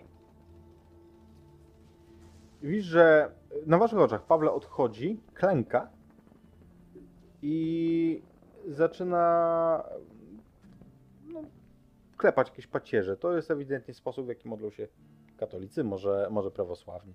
Nie słyszycie, co tam mówi. Mówi na głos. Łuku siada, rozpiera się na krześle, wyciąga pasek od spodni, szeroki taki skórzany pas. Karabin opiera tak, żeby miał go pod ręką. Sięga za kurtkę z tyłu, wyciąga ten swój nóż i zaczyna go na tym pasku ostrzyć. Powolutku, takimi bardzo sprawnymi, wytrenowanymi ruchami. Mhm. Raz, Pozostali keep it raz, together. dwa. Nie. nie, totalnie nie. E, Okej. Czy chcecie coś jeszcze zadeklarować na ten czas, jak e, oczekujecie do zmierzchu? To Czy- będzie. Ja jeszcze chcę Ja na pewno. wziąć, ja chcę wziąć Samrę, Tak? pomóc jej się przebrać w jakieś te ciemne ciuchy, jak Ale ja mam płaszcz, który zrobił y, Tarik. On jest ciemny i to jest Tym lepiej. generalnie założenie jest takie, że jeżeli oboje się, ty się przebierzesz, ja się zdążę przebrać, to chciałbym jeszcze trochę ją poduczyć zdjęć. No, Jeżeli tu jesteśmy, pokazać, jak łapać kadry, światło i tak dalej, i tak dalej. No, po prostu No. tak wiesz. Tak. To, co ja chciałam zadeklarować, to ostatni kadr, który chcę złapać. Powiedzmy, że to będzie em, wynik tego, że no, czegoś mnie nauczył. I ostatnie zdjęcie, które zrobię, powiem tam kilka oczywiście, ale ostatnie zdjęcie, które zrobię, to widok tego mostu, przez który będziemy zaraz biec w zapadającym powoli zmroku gdzieś w tle jakiś, yy, z- jakieś zachodzące słońce, którego nie widać na tym kadrze, bo jest dokładnie po drugiej stronie. Ale ten most, który dla każdego, kto zobaczy to zdjęcie, będzie po prostu zwykłym mostem, mostem z oblężonego Sarajewa oczywiście, ale jednak zwykłym mostem. Ale dla nas Sorry, ja nie mogę się z czatu. Ale dla nas nie będzie zwykły most. Będzie most, ostatni most, który będzie znaczy, znaczył bardzo wiele. Ile zdjęć jeszcze tam planujesz zrobić wcześniej? Trzy, cztery. Widzisz, że ja Stawiałem nie robię pięć, po prostu, tak, że- ja nie robię po prostu zdjęć byle jak, tak o, zobaczę cokolwiek. Y, To jest naprawdę, to są kadry, które, przy, które wybieram, są naprawdę przemyślane. Ja robię tylko takie ujęcia, które mm, wydają ci się może na początku niespecjalnie interesujące, ale kiedy troszkę się obniżysz, także zobaczysz ten świat moimi oczami, z mojej Mhm. perspektywy, to zobaczysz, że to są rzeczy, które by ci umknęły, gdybyś po prostu przechodził tędy. I ja mam wrażenie, od, od pewnego czasu, od pewnego momentu, kiedy dałeś mi aparat, kiedy ten fakt, że idziemy na to lotnisko i będziemy próbować stąd uciec, stał się dla mnie już czymś jasnym i oczywistym, to ja w ten sposób próbuję nie tyle pokazać wojnę, pokazać inny świat, jakieś losowe dla ciebie europejskie państewko, miasteczko, tylko akcenty, które dla mnie są mm, resztkami e, codzienności, mm, takimi jakby zamkniętymi w bursztynie fragmentami tak jak był ten samochód, który pominęliśmy, który pominęłam wcześniej świadomie, bo to nie był czas na zdjęcie, to był czas na po prostu szybkie przejście, e, to teraz łapię takie właśnie, kiedy mamy ten, ten, te, te chwile dla, czekamy na ten zachód słońca, to szukam takich fragmentów e, domów, czy jakiś jest maj, więc kwit, przyroda kwitnie i ona sobie nie robi nic z tego, że jest wojna. I właśnie takie fragmenty znajduję tego miasta, tego okolicy, w której jesteśmy. Oczywiście nie wychodzę, nie robię sobie jakichś wycieczek nie, wiadomo jak daleko, tylko wszystko gdzieś, gdzie mogę to zrobić bezpiecznie, które pokazują, że mimo tego wszystkiego, co tu się dzieje, są tu jakieś resztki codzienności i resztki normalności. Na pewno uchwycę tam jakąś jakichś ludzi, którzy przechodzą, którzy tego, że jeszcze jest jasno, przechodzą gdzieś, bo muszą po prostu się przemieścić. I ostatnim zdjęciem będzie ten most. Tarik, jak ty spędzasz e, ten dzień? Bo to jest kilka godzin, tak jak powiedziałem. Wy tutaj dotarliście może koło południa, może, może, może trochę po, natomiast do Zmierzchu macie jeszcze dalej dużo czasu.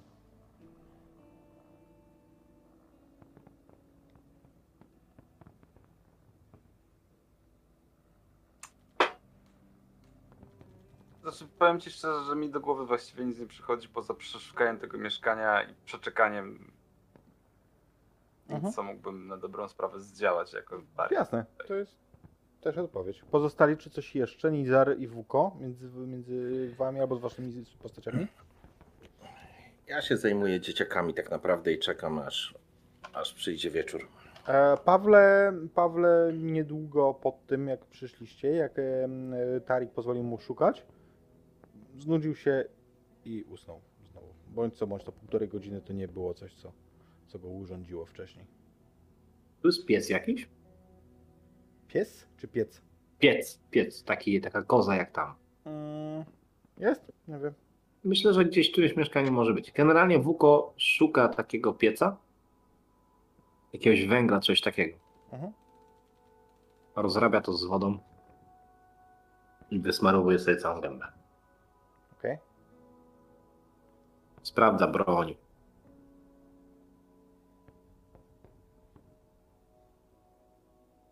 Okej. To może dosyć strasznie później wyglądać, jak on złazi gdzieś tam z góry, cały wysmarowany na czarno.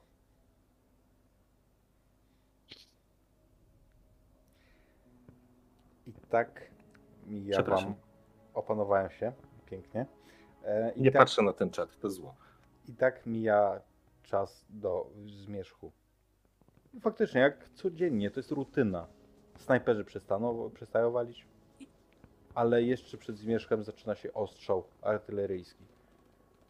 Ja nie wiem, czy my byśmy nie chcieli się wstrzelić w ten moment właśnie taki, gdzie snajperzy przestają strzelać, a yy, ostrzał teoretycki jeszcze się jakoś bardzo mocno nie nasila.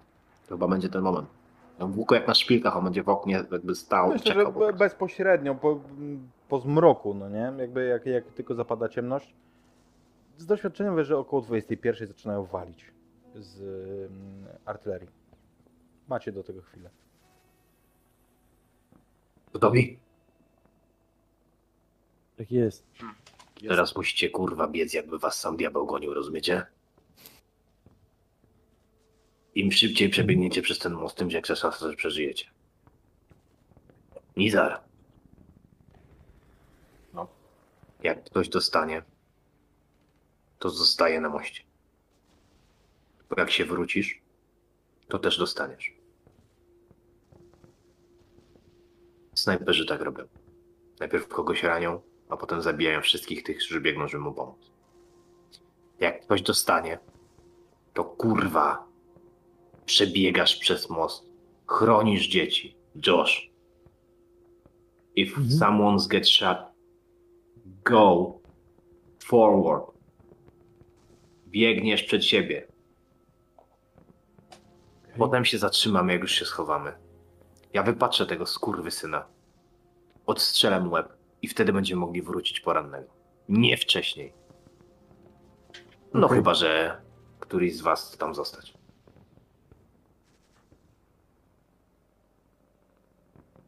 To już wasza sprawa. Kiwam głową. Dari, Patrzę tylko, czy Samra jest gotowa. pobiegniesz pierwszy. Dobra, Blisko ściany. I To jest. nisko. tak jest. W zmroku raczej nie powinni walić ze snajpery, nie? No ale my tak wychodzimy właśnie na styk. Wuko ustawia się przy moście, wysmarowany cały na czarno. Bierze kurtkę, nakrywa się tak, żeby nie jakby, nie, jakby trochę rozmyć swój kształt, żeby nie przypominać sylwetki człowieka. Opiera karabin i celuje. I tylko macha ręką. Spierdalać!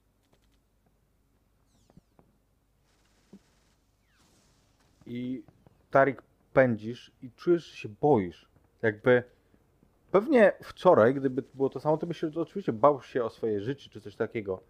No wiadomo, wystawiasz się na strzał. Natomiast teraz po wstępie, który zgotował ci WUKO, jeszcze opowieści o tym, że jak dostaniesz, to się nie, nie cofasz, znaczy nic się po, po ciebie nie cofnie, to ty po prostu pędzisz z duszą na ramieniu i ku swojemu zaskoczeniu zatrzymujesz się po drugiej stronie między budynkami już.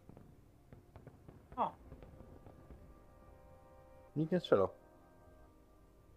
Ale tu, jakby nie biegniemy tak, że on biegnie jeden później czekamy następny. To ja od razu pogadam. Dawaj, dawaj, dawaj, A, dawaj, okej, dawaj. ja, jako grupa, okej. I w każdym razie, Znaczy nie jako grupa, tylko w takich odstępach po parę metrów, tak żeby Jasne. było nie zdążył, bo on nie zdążył przeładować w razie czego. Jakby strzelał, to strzeli do jednego, albo Mhm. trafi, albo nie trafi, Jasne. trudno, jasne, w każdym razie ale strzał, żeby nie miał czasu przeładować, nie? strzał nie pada. Mijacie, yy, biegniecie, Ostat, ostatni biegnie Wuko zakładam. Tak, yy, biegniemy w takiej kolejności. Tarik, potem biegnie Josh z Tamrą, Nizar z Pawle i ja na końcu. Mhm. A więc Nizarze, ty kiedy biegniesz, widzisz, że z drugiej strony, już po tamtej stronie ulicą, nadchodzi mężczyzna. Nie, tak nie, jakby w- elegancko ubrany, w rozpiętej marynarce, roz, e, rozchostanej koszuli. Trochę się zatacza jak stronie pijany. mostu? Tak. Po drugiej stronie mostu. Idzie tak jakby w stronę mostu. Kiedy Ale po drugiej stronie, Tak, tam gdzie my biegniemy, Ta- tak? Do, dosłownie, jak, jak dobiegasz, to widzisz, że on gdzieś tam ci się pojawia za, za załomu. Patrzę na niego. Reszta też go zauważyła, bo ja przestaję sobie wierzyć trochę. W pierwszej, w pierwszej chwili byłeś przekonany, że to jest Radosław. Byłeś przekonany, 100%. Jakby nie miałeś wątpliwości. Hej, Radosław. Mówię takim półszeptem, no może nie półszeptem, tak cicho krzyczę, jak można tak to powiedzieć, nie na całe gardło, Mhm. szeptem krzyczę. Mm, To ja, ja jeszcze tylko jedną dodam, żeby narysować tą scenę, bo y, jak ty przebiegasz, to Wuko za tobą nie biegnie. Wuko czekasz, ty przebiegniesz, on będzie biegł dopiero na samym końcu, ostatni. Jakby Więc- osłania cię, jakby. Jeszcze jak e, Wuko tam patrzysz, wiesz, na No tego przez, nie usłyszy, przez, przez optykę, tego, tego co mm, Nizar krzyknął szeptem nie. Natomiast mężczyzna słyszysz takie pijackie zawodzenie. Ewo zore, ewo zore, Bogu za powoli. I to, to, to jest jakiś obcy gość Nizarze. To w ogóle nie. To nie jest Radosław, absolutnie, nawet nie jest podobny. Mężczyzna jest ewidentnie pijany. Idzie środkiem ulicy, wali po prostu na ten most.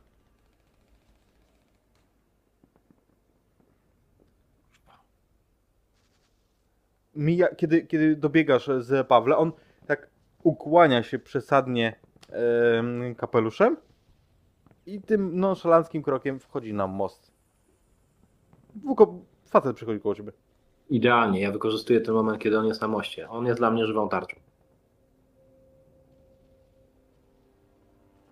Bo ja się przemykam, a on jest na, na celowniku. Mhm. Ale widzicie to, że mężczyzna idzie. Idzie sobie po prostu. Jeszcze mało tego, jeżeli się oglądacie później, to widzicie, jak on sobie idzie tą aleją po drugiej stronie. Kompletnie nonszalanckim krokiem. Myślę, że to jest jakiś poziom szaleństwa, tylko sprawdzam, czy oni też widzą to, co ja widzę. Widzicie go? Jakiś wariat. Życie mu niemiłe. Jak nie pocisk, to odłamek. Kurwa, udało się.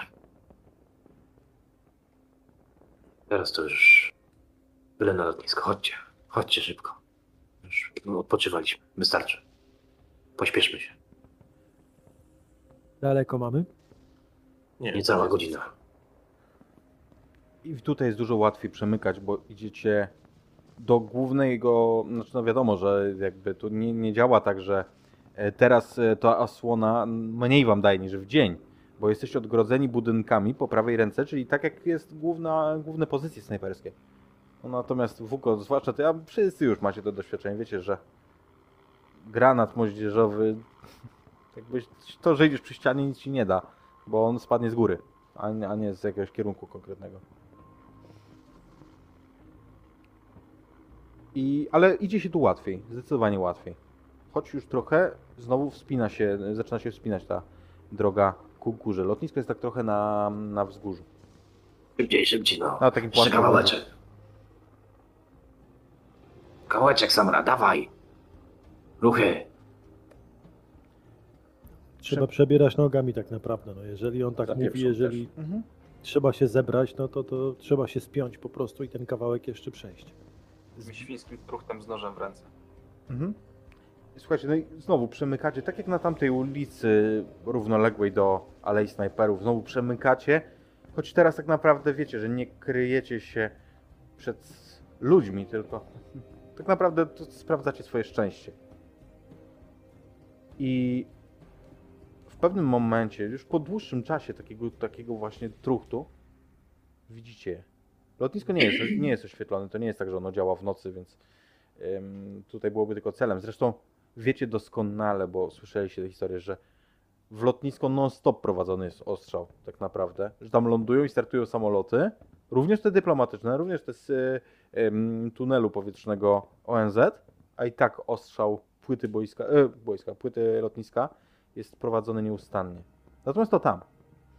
Was interesuje, to miało być pod lotniskiem.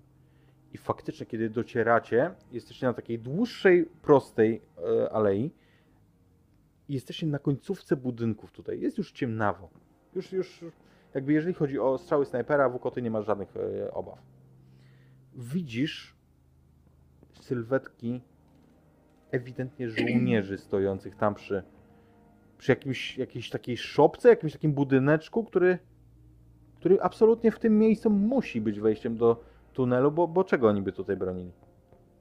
Stoi dwóch żołnierzy. Z daleka, kiedy, jeżeli patrzysz przez lunetę, oni stoją przy, Tak. tam, tam, je, tam jest e, światełko w tej budce, przy której stoją. Oni są umundurowani różnorako, niejednolicie. To jest e, armia armia, ta milicja bośniacka tak naprawdę, ta, którą sformowano, żeby się bronić przed Jugosławią, przed, przed Serbami. To są siły, które bronią miasta teoretycznie przynajmniej.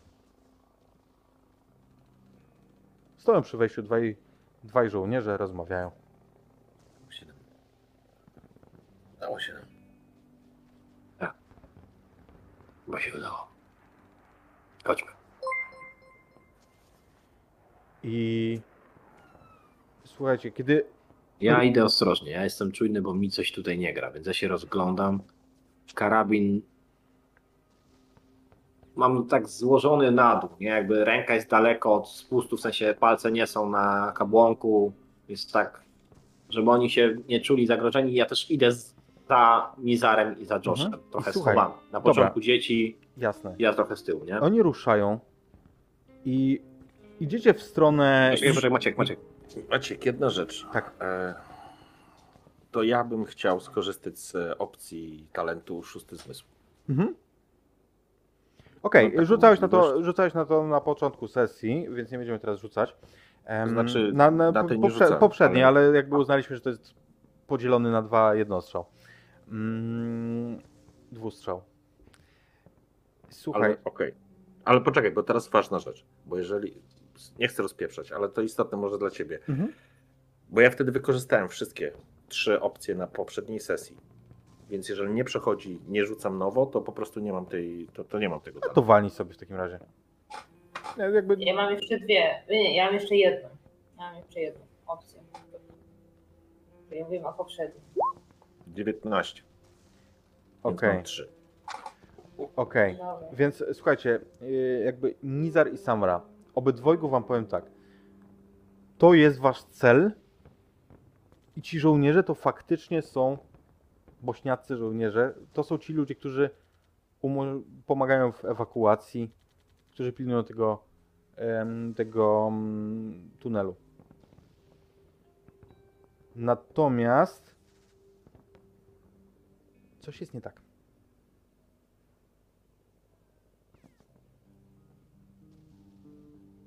Czy jest coś nie tak? Coś jest, znaczy abstrahując od tego, że jesteście w środku oblężonego od roku miasta Jasne. i tu się strzela do cywilów. Coś, Coś nie gra. tak. Słuchajcie, ja też to czuję, Samra. Coś tu nie gra. Nie wiem co. To są. To jest bośniacka milicja. Oni pomagają w ewakuacji, ale coś nie gra.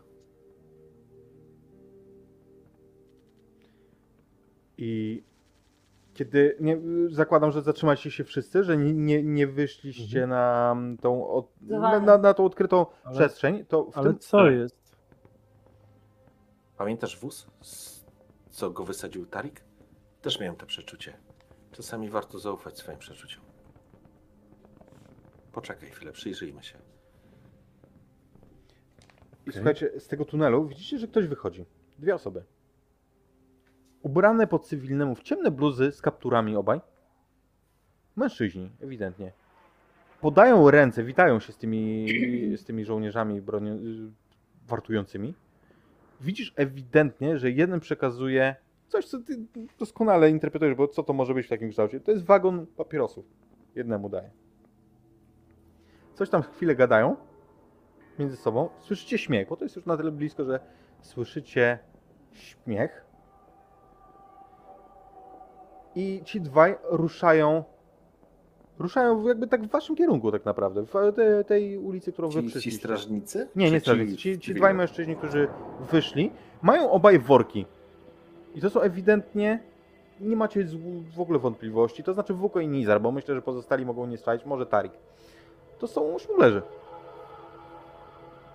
To są ludzie, którzy zawodowo zajmują się tym, że szmuglują do miasta dobra, których tu brakuje i starają się je spieniężyć oczywiście po wielokrotnie zawyżonej cenie. Mhm. I oni idą z tymi worami w waszym kierunku i rozmawiają dosyć głośno. Widzieliście? Pochajmy chwilę. Coś słychać? Rozmawiają, tak. I rozmawiają dosyć głośno I Wuko, ty masz wrażenie, jakbyś tych gości z... kojarzył? Jakby ton głosów coś ci świta, natomiast ty, Samro, w- szczególnie w jednym momencie, jak y, padł jakiś żart i oni się śmieją i jeden rzuca jebem ti Boga. Co znaczy tyle, co jebie ci Boga. I ty już słyszałaś, jak ktoś tak klął. Mianowicie tak klął mężczyzna, jeden z tych, którzy przyszli wtedy do twojego domu. I Wuko, ty masz wrażenie, że... Znaczy, ty nie słyszałeś tego tak wyraźnie może, jak Samra, ale masz wrażenie, że to są znajome sylwetki? Idziemy. To Powoli mijamy ich i idziemy do tunelu. jak y, powiedziałeś to Wuku, to ja chciałam się za łokieć tej, tej, tej wejrze niby chorej ręki. Panie Wuko, Co tam dziecko? wydaje mi się, że to oni byli w moim domu. Wydaje Idziemy. Mi się, że to oni. Samra. Nawet jeżeli Ale to jeżeli oni, oni stamtąd wyszli, to musimy ich ominąć, rozumiesz? ale oni wyszli z tunelu. Nieważne. Przejdziemy tam. Nic się Panie nie ominiemy. jest, ich. co jest na końcu tunelu? A jeżeli na końcu tunelu wcale nie czeka na nas wolność, nie czeka na nas nic dobrego, tylko Nic lepszego tutaj na ciebie oni? nie czeka. Nie, ze mną nie musisz się bać. Spokojnie, ja ją mocno łapię za rękę. Karabin przewieszam przez ramię, a druga ręka idzie tak pod kurtkę i opiera się na pistolecie. Mhm. Dobra. I w słuchajcie, miejscu. pozostali ruszacie? Nie, ja, ja staję w miejscu, ja, ja jestem teraz przerażona. Znaczy, Ja ją, ja ją próbuję Mówię, robi chodź, słoneczko, chodź, ja ją namawiam. Chodź, chodź, idziemy. Tam sp- ze mną jesteś bezpieczna, nic się nie stanie. Ja się na nich nie patrzę, patrzę się gdzieś tam na jak gdzieś tak staram się unikać ich wzroku. Mhm. Słuchaj, oni się zbliżają. Natomiast, Wuko, żeby było jasne, ty jesteś facetem z umazaną węglem twarzą i z karabinem snajperskim przerzuconym przez ramię. Ty, ty, ty jakby, wiesz, ty masz napisane na czole snajper. W tym momencie.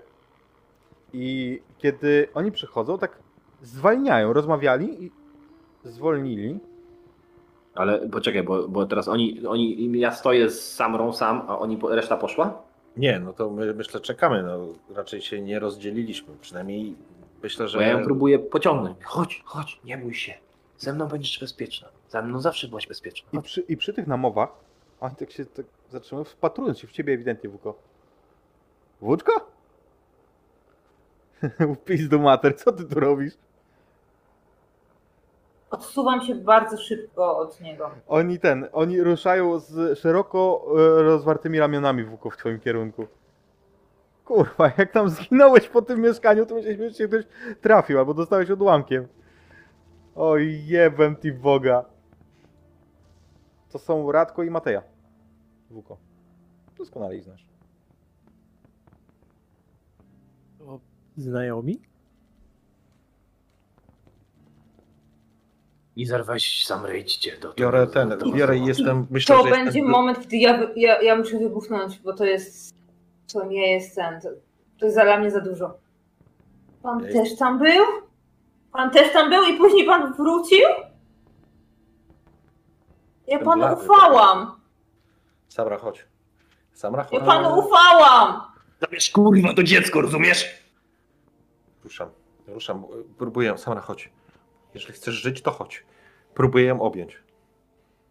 Ja będę cały czas. y, Wiesz co, ja pójdę z tobą, ale ja będę cały czas się odwracać z niedowierzeniem, patrząc na Wuko. Ja myślę, że ja idę i czuję mocz spływający mi po nodze. Po prostu idę machinalnie, nie? Trzymam, trzymam Samrę na rękach, y, Pawle za rękę i w ogóle nie widzę już nic. Oni mnie minęli. Tak. I idę po prostu, wiesz, Oni, wzdłuż. e, tak, Josh, no. jo, Josh, Tarik, e, jaka jest wasza reakcja? Oni, Znaczy, ci, goście, ja- ci goście ewidentnie, oni mają, was to mają w dupie, ale, ale Wuko jakby oni z pełnym zainteresowaniem, to, to co idzie, to są e, pytania, no co, ty robiłeś, gdzie jest? Ja no, puszczam dziecko, nie jakby oni Ja mnie jak nie totalnie, mijają. Ja, ja przez chwilę milczę. Nie wiem, nie wiem co się dzieje, i więc zatrzymuję się w pół kroku przy Wuko. Patrzę na odchodzącą Samrę i Nizara. Patrzę na nich, na niego i mówię, panie Wuko, dokąd? Idź, Tarik, idź. Mhm. Ja szybko w takim razie za Samrą, tylko oglądając się przez ramię, bo jakby czuję, że jest jakieś napięcie, ale nie wiem zupełnie z czego ono może wynikać. Teraz słyszycie wesoły głos Wuko. Bóg ty jebał! Radko! Tylko jedną ręką. Radko, Matej! Myślałem, że gruzy was zasypały. Słyszysz, że y, oni jakby y, inaczej, e, e, ekipa odchodząca słyszy wesołe głosy, zupełnie wyluzowane. No, to co, wracasz do biznesu? Pistu mater, no pytasz, przecież szukam kurwa jakiegoś znajomego tyle czasu już włażę po tym mieście. Ile są ode mnie? Zaraz przy tobie. Nie, nie, tamci. W sensie e, moja tym, niedoszła ekipa. Nizar, 10 metrów, Samra. 15. Ja jeszcze tylko 20. chciałabym jedną rzecz, jak, jak Josh do nas podejdzie, ściągam z szyi aparat, podaję mu go i kiedy, kiedy Josh kiedyś podaje ten aparat, to widzisz łzy spływające po mojej twarzy. Dziękuję, już nie chcę. Ale i przecież tak wiesz, patrzę na tamtych, jakby zupełnie nie rozumiejąc. Ale c- co się stało? Idę, idę jak robot. w się głowę nie, i nie, nie zatrzymam. idę z- ją, idę wiesz? z. Tarik, Tarik, idziemy do... Tarik, nawet wiesz, nie obracam się Idę, tak, idę. nie, ch- nie chcę w ogóle widzieć e, Wuka i reszty, tylko idę tak mechanicznie i mówię, Tarik, wiesz, po prostu na zasadzie dzieciaki i kierunek, nie? Mhm. Gdzie jest reszta? Co się stało, no? Kurwa, przecież cały budynek się prawie zawalił. Paru padło. Jeb, jeb. Słyszycie za plecami? To, to na pewno Wiesz, jakby dwa ta ręka strzały. była schowana cały czas, więc ja tylko gestykulowałem lewą ręką, wyciągam, jeb, jeb. Mhm. I drugi, jeb, jeb. I od razu patrzę się w stronę tamtych dwóch żołnierzy. Słuchaj, No, Bo, a w ogóle słychać strzały, więc są strzały, tak? Ja tylko też chcę jedną rzecz zadeklarować Ty, i, ty do nich strzeliłeś. Tak, i jak zabiłem ich. No to słyszę jest strzały, Głośno, ja padam na prostu- ziemię. to znaczy trzymam cię na rękach, więc, y, bo ja No cię to mam, dobra, wiesz, no to ja jak słyszę strzały, to po prostu zaczynam wrzeszczeć, biegnijcie do nich, nie? I po prostu rzucam się na tyle, ile potrafię, trzymając Pawle, trzymając Samrę, licząc, że jest gdzieś obok Tarik i gdzieś obok jest Josh, ale to już nieważne, trzymam te dzieciaki po prostu po pierwszym strzale, kurwa, zapierdalam tam. mhm. Nie obracam się na słuchajcie, jakby i to, Wuko, to, że oni zaczęli biec, to zwróciło uwagę jakby tych e, milicjantów w pierwszej kolejności na nich. Oni, jak, jakby były strzały, kiedy dobiegacie, ci żołnierze, sz, macie wrażenie, ze szczerym, e, szczerą dawaj, dawaj, chodź, chodź, chodź szybko do, do tunelu, dawaj, dawaj, dawaj, dawaj. To ja rzucam się za nimi. I kierują was. I krzyczę. Mhm. Ja się zatrzymuję przy tych strażnikach. Jeszcze on, jeszcze on, jeszcze on, jeszcze on. Słuchaj, ja bym chciał teraz użyć asa w rękawie. Mhm. I e, rzucam sobie z zapanowaniem. Zobaczmy, co z tego wyjdzie. Ile będę miał e, przewag, o ile w ogóle jakieś. 13, ale muszę przerzucić. A no tak, bo masz utrudnienie.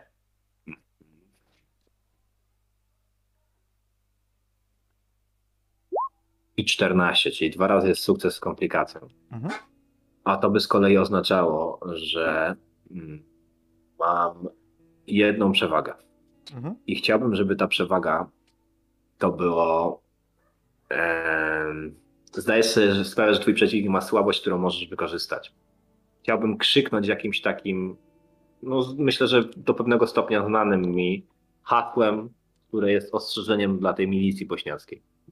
Przed własnymi, swoimi własnymi oddziałami. Co oni krzyczą, jak my się zbliżamy.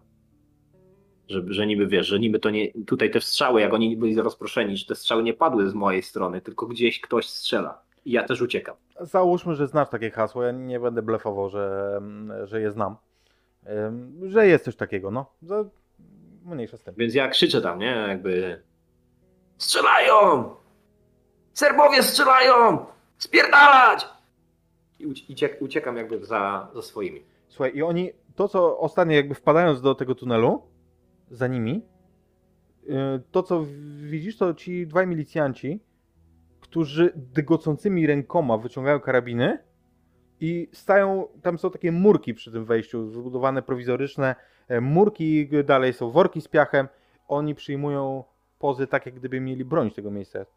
Ja podbiegam tam, do, do, jakby wiesz, jak mijam ich, to się odwracam i mówię, kurwa, schowajcie się! Mają tam na pewno jakiegoś snajpera! Spierdalajcie! I Oni, wiesz, Ale jak biegną, to biegną, jak nie biegną, to nie biegną. Oni, oni krzyczą za złotko. I człowieku. I No znikacie. biegam tam. to jest, słuchajcie, bardzo wąski tunel. On jest ostemplowany, ale wąski. Tam się trzeba przyciskać momentami. I tak przez 800 metrów. 800 metrów, które wyprowadziły was z oblężonego Sarajewa. Ktoś, kto jest na końcu, będzie wiedział, że ja tam biegnę. Niewątpliwie, ale Znaczy przeciskam się dosyć za nim, nie? niewątpliwie tak.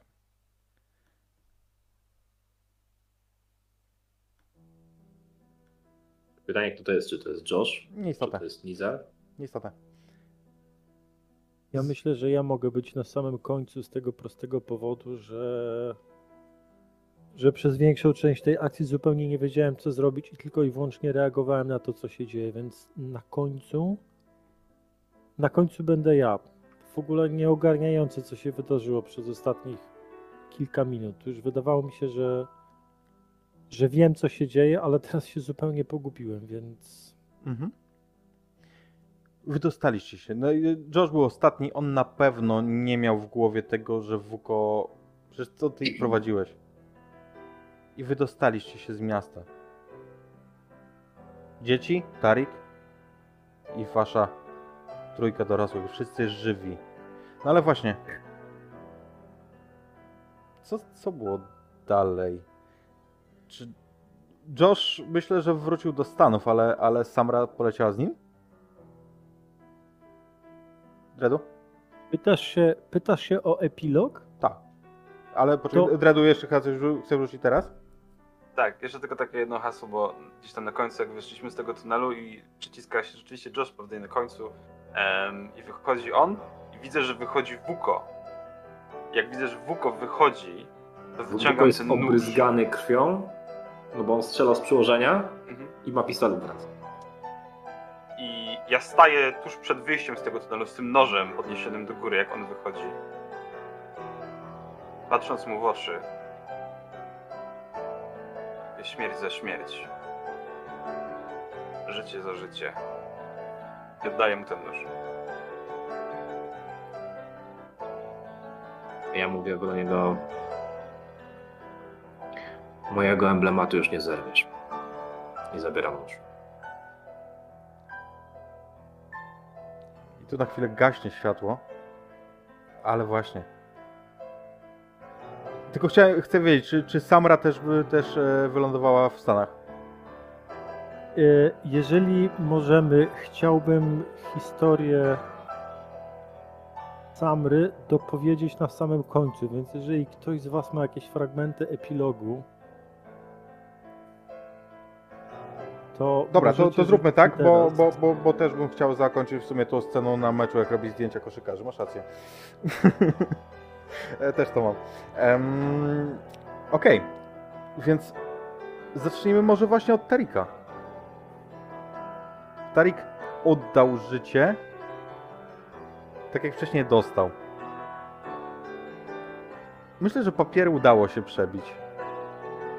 Ale co dalej? Ty nie miałeś nic.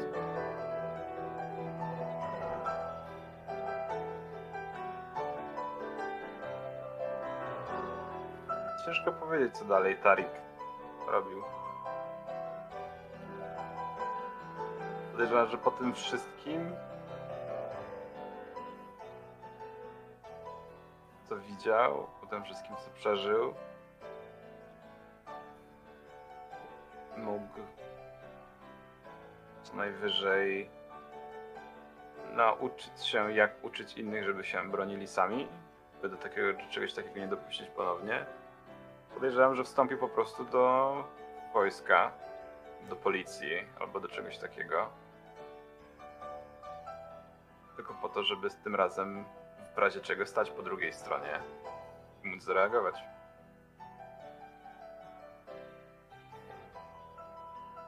Wrócić do Sarajewa? Mhm. Ale to dopiero za niespełna parę 3 lata. Bo Mhm. tyle jeszcze czasu Serbowie odcinają miasto. No i tyle czasu potrzeba, żeby dorósł, dorosnął. Nizar. Co stało się z tobą i z Pawlem? Myślę, że jak już jesteśmy na tym lotnisku, a, to jakby dwie rzeczy chciałbym zrobić. Pierwsza rzecz, chciałbym pójść do jakiejś, y, nie wiem, biura, do kogokolwiek, kto tam zajmuje się, wiesz, e, ewakuacją i powiedzieć, że Samra to moja córka, a Pawle to mój syn. Że nazywają się Sokolowicz i że chcemy uciekać, nie? Że, chcemy, e, że chcemy ewakuacji stąd, z tego miasta. I e, z pewnością Josha, nie wiem, nie mam pojęcia, w tym momencie jestem tak ogłupiały, on, on po prostu pękł. W momencie, kiedy zorientował się, kiedy jego wszystkie koszmary się potwierdziły i okazało się, że Wuko to, to jest ten sam typ, to on całkowicie pękł i poszedł do Josha, żeby pomógł im wszystkim stąd odlecieć, nie? Żeby stąd uciec. A jeżeli nie, to weź ze sobą dzieci. Jeżeli. wi- Wiesz, to jest zupełnie inny człowiek. I, i, i oczywiście Samra czy, czy Pawle mogą uznać, że powiedzą, że nie, to nie jest nasz tata, wiesz, bla, bla, bla, nie? Ale uznaję, że y, wiesz, przy tych ONZ-owskich jakichś tam siłach, to wiesz, ty, ja nawet niekoniecznie idę do tych ludzi, którzy są, wiesz, tu lokalnymi, tylko do jakichś sił pokojowych, do czegokolwiek, do kogokolwiek. Mając Josha, zakładam, że on coś może pomóc. Rozumiem, że Tarik jest już za duży, on sam decyduje o swoim życiu. To jest na pewno jedna rzecz, którą bym chciał zrobić. Nie wiem, czy się uda, czy nie, to zostawiam jakby w dalszej części epilogu. Ile lat, Natomiast ma, ile lat ma ta dzieciarnia nasza? Tarik 15, Około Samra, 7 i 10. Samra 10 i Pawle 7.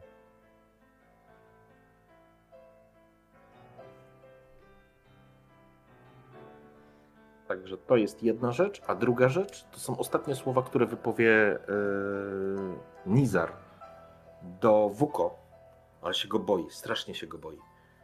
Myślę, że gdzieś tam na jakimś placu, gdzieś tam po prostu podejdzie. Znaczy, kiedy wyszliście na, na, po drugiej stronie tunelu, to tam już po pierwsze, tam jest już wasze bośniackie wojsko, ale też IFOR. Faktycznie. Bo to jest już poza miastem, to jest poza kordonem e, Serbów. Mhm. I tam są już ludzie, którzy faktycznie pomagają ciężarówkami wywożą. To nie jest tak, że wy jedziecie na lotnisko i odlatujecie z niego, bo to lotnisko jest No, no. ostrzeliwane z artylerii. Natomiast stąd, tak, możecie się ewakuować. No to jest, wiesz, to jest kwestia, pytanie, w jaki sposób uznasz, że to mogło się zakończyć. Natomiast Mhm. jedną rzecz, e, idę do Wuko, nie patrzę ci w oczy absolutnie, on się ciebie, jestem przerażony w ogóle. On, zresztą widzisz cały, całe, całe, całe mokre spodnie. E, wyciągam ten em, notes. Teraz już rozumiem, co chciałeś odkupić. Nie wiem, czy kiedykolwiek ci się uda. Kładę ci tak, wiesz, przytykam ci do klatki piersiowej. Znajdź ich. Może znajdziesz ukojenie. Nienawidzę cię. Obracam się i odchodzę. Nie czekam na jakiś komentarz, na nic. Nie zostawiam żadnej możliwości i po prostu odchodzę. Wuko, co z tobą? Puka będziemy widzieli w dwóch scenach tak naprawdę. Eee, Pierwsza scena to będzie scena, w której Wuko znika z powrotem w tunelu. Jej kontynuacja będzie taka, że Wuko będzie poza Sarajewem. Stoi nad grobem. Grób jest dla dwóch osób. I to jest siostra i matka Wuko. One leżą głęboko na terenie Bośni, na zachodzie. Niedaleko granicy z Chorwacją. I on na tym grobie składa takie naręcze nieśmiertelników. To są nieśmiertelniki serbskiej armii ludowej. Kładzie je na tym grobie. A ostatnia scena z jego udziałem to jest jak pojawia się obozie na północy, ubrany w mundur serbskiej armii. Taki, jaki kiedyś nosił. To jest obóz, tutaj nie pamiętam, nie mam- nie mam dokładnie zanotowanej nazwy. Pomarska. Ternopol? Ternopolie. Nie, nie, Pomarska. Ternopolie. w Ternopolię. I jak dyskretnie pyta się pomiędzy kobietami w obozie Nina Stojanowicz. Słyszałaś kiedyś o takiej kobiecie?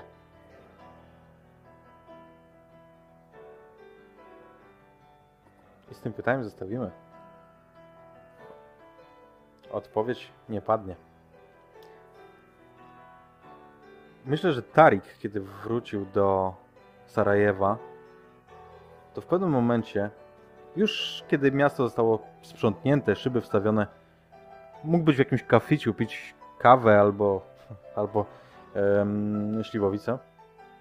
Na ulicy przechodzącą zobaczyłeś Azrę. Tą dziewczynę, którą, której kupiłeś kiedyś kwiatek. Ona też wróciła. Nizar, Samra, Josh i Pawle. Czy wasze losy dalej potoczyły się wspólnie? Czy nie? Nizar? E, Tak jak powiedziałem, mm, na pewno będę chciał wykorzystać w jakiś sposób pomoc Josha, żeby uciec z kraju, uciec z Sarajewa i e, udać, że i Samra, jeżeli Samra się zgodzi, i e, Pawle są moimi dziećmi. Co więcej, wykorzystałbym informację, że nie ma tam żadnych dowodów, niczego takiego, że powołałbym się na siostrę, która jest w Stanach, która mieszka w Denver i do której chcę uciec razem z jej siostrzenicą, chyba tak to powinno się nazywać. Zawsze mam problem z tym, ale wiesz co chodzi. Nie? Mhm. Pewniaczką. No właśnie. Dokładnie siostrzenicą, tak, zgadza się. Także myślę, że myślę, słuchajcie, jeżeli się wszyscy zgodzicie, że ostatnią sceną może być scena właśnie na meczu Denver Nuggets. Co wy na to? Josh? Przedostatni. Przedostatnią, dobrze. Więc widzimy tutaj. jak daleko mogę wyjść w ogóle z moim epilogiem. E, Próbuj. ile tylko chcesz. Dobrze, no to- Czekaj, zaraz. Ja mam, do, ja mam do pracy na dziewiątą. Znaczy, Samra, to jest tylko warunek, jeżeli ty się zgadzasz, nie? Bo jeżeli nie zgadzasz się, no to, to, to, to zobaczymy, jaki, jaki wymyśliłeś epilog. Jeżeli chcesz, jeżeli chcesz opisywać epilog z e, ciocią, Stanami czy coś takiego, to opisuj. Opisuj, co chcesz. Dobra, zobaczymy. no poczekajmy w sumie. Dobra, niech będzie ten jeszcze, tylko bardziej mi chodzi o taką całkiem późniejszą jeszcze. Dużo Do- lat później. Dorosłą Samrę, to myślę, że zo- zostaniemy na. Ile, na ile, lat, zawier. pu- ile lat później? 15, słuchaj. Dużo. Mm. Okej, to w takim razie mój będzie pierwszy. Okej. e, Wobec tego ja z, z, pozwolę sobie wrzucić ten jeden, gdzie widzimy całą gromadkę. Jest też Pawle, który już trochę bardziej ogarnia. I który kibicuje na Getsom na meczu. Gdzieś patrzę, jak Samra kręci się i próbuje robić zdjęcia sportowe. No one nie wychodzą, nigdy nie wychodzą, zawsze są rozmazane. Ale ta koszykówka... w- Josh, faktycznie to się spodobało. Dzieciakom. Patrzcie, ten wielki to jest Dikembe Nubutombo. Najlepszy center wszechczasów.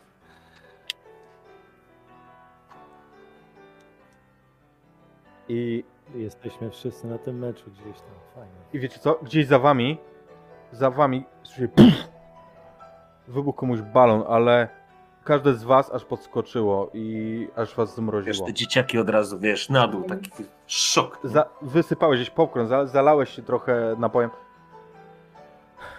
Tylko balon. Tylko balon. Josh, twoja scena? Jest 7 lat później, końcówka 99 roku, kiedy Josh próbuje dokończyć swoją podróż. Raz jeszcze Paryż i trasą Orient Expressu do Konstantynopola.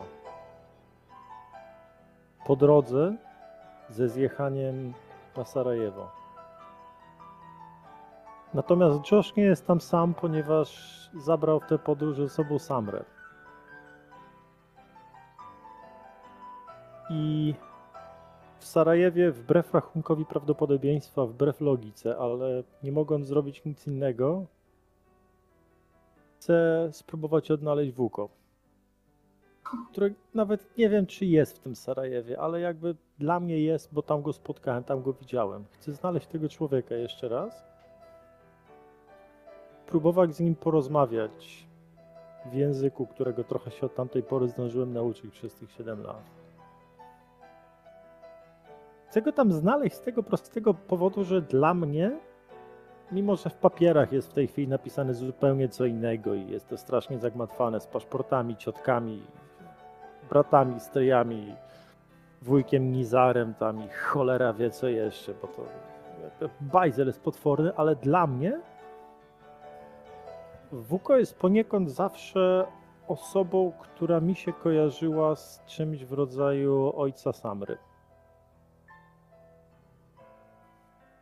Czy go znajdę, czy go nie znajdę, jest rzeczą może nie drugorzędną, bo bardzo chciałbym go znaleźć, pogadać z nim, zapytać go o parę rzeczy, ale ważniejsze dla mnie jest to, że pojechałem go szukać. Tak czy inaczej, scena, jeśli mogę mieć na nią wpływ, to by był Sylwester 99 na 2000 rok. Najbardziej niesamowite, najbardziej ikoniczne miejsce, w jakim można świętować nowy rok i nadzieję na to, że wszystkie komputery się zresetują, wszystko trafi szlak i historia znowu będzie zapisywana na kartach pergaminu, a nie w ulotnych komputerach i dyskach CD. To jest Konstantynopol. To jest most na Złotym Rogu w Konstantynopolu, gdzie będą rwać się fajerwerki, gdzie będzie widać całą panoramę najbardziej zajebistego, najbardziej niesamowitego miasta, jakie kiedykolwiek w ogóle istniało na powierzchni Ziemi, w którym będzie można robić najbardziej niesamowite zdjęcia. Na najnowsze dwa Nikony D90 lustrzanki po prostu chude na kiju, rzeczy, które wreszcie robią zdjęcia takie, jakie powinny robić. Myślę, że gdzieś tam na tym moście, w środku tej nocy, trochę, trochę przedwcześnie, jeśli dobrze obliczyłem lata. Ale myślę, że tam, właśnie tamtej nocy, Josh chciałby się, chciałby sam, że zadać jedno proste pytanie. Natomiast z tym, jakie to jest pytanie, jakie, jaka była na nie odpowiedź i co dalej, Samra, przerzucam do ciebie.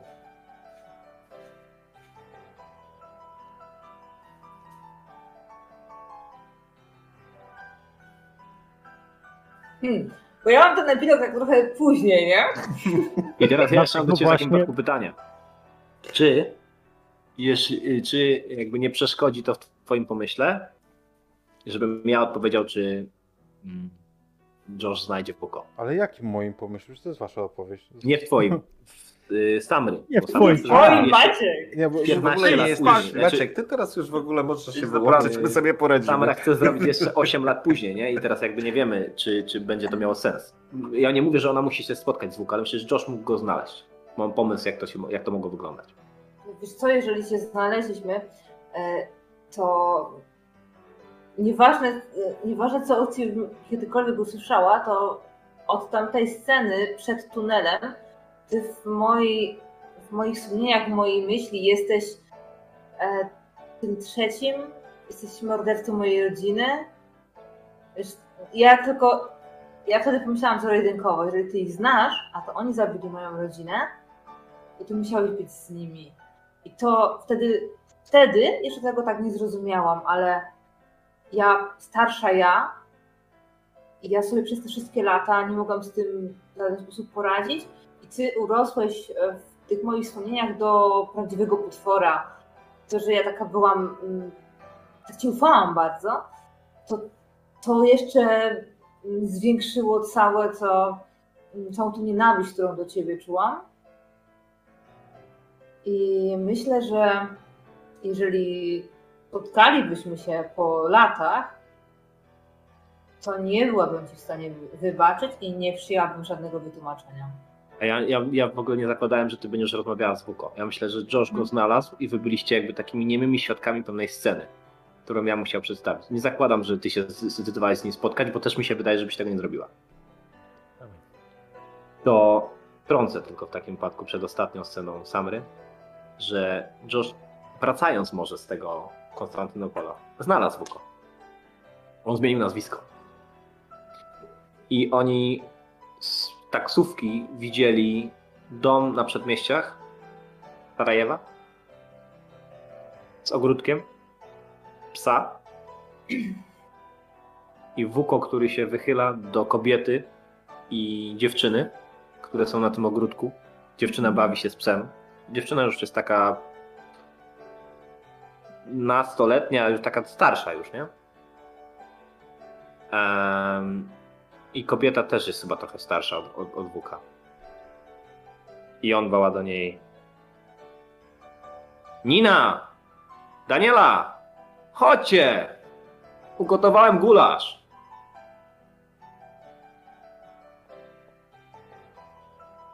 I Samra, i to jest z, zamykająca scena.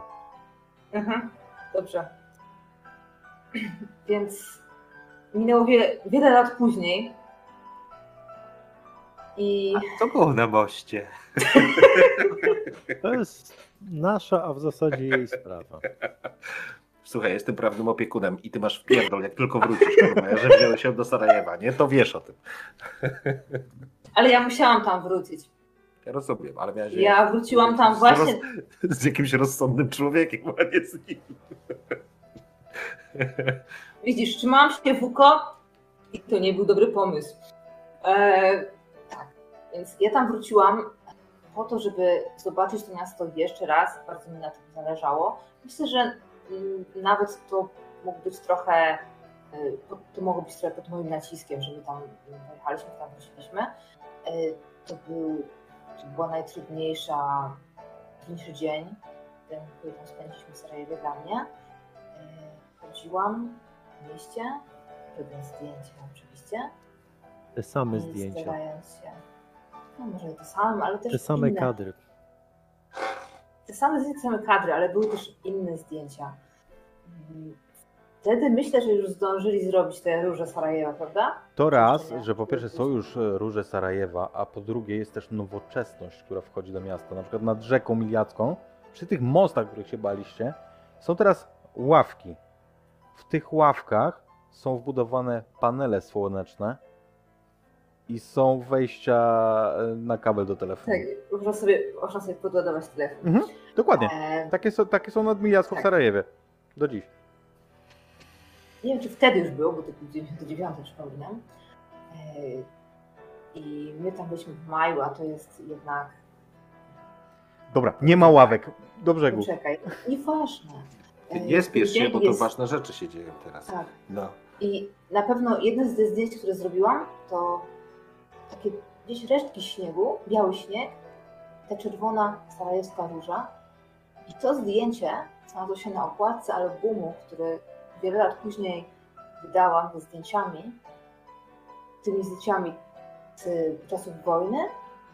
I część druga tego albumu z tym, jak zmieniło się po tych kilku latach moim okiem właśnie na okładce będzie ta sarajewska róża, a tytuł albumu to, to była moja wojna. I widzę siebie w ostatniej scenie, jak trzymam ten album, pierwszy już to on jest w księgarniach i tak dalej, oczywiście w Ameryce wydany. Trzymam ten album i patrzę tak z dumą na okładkę.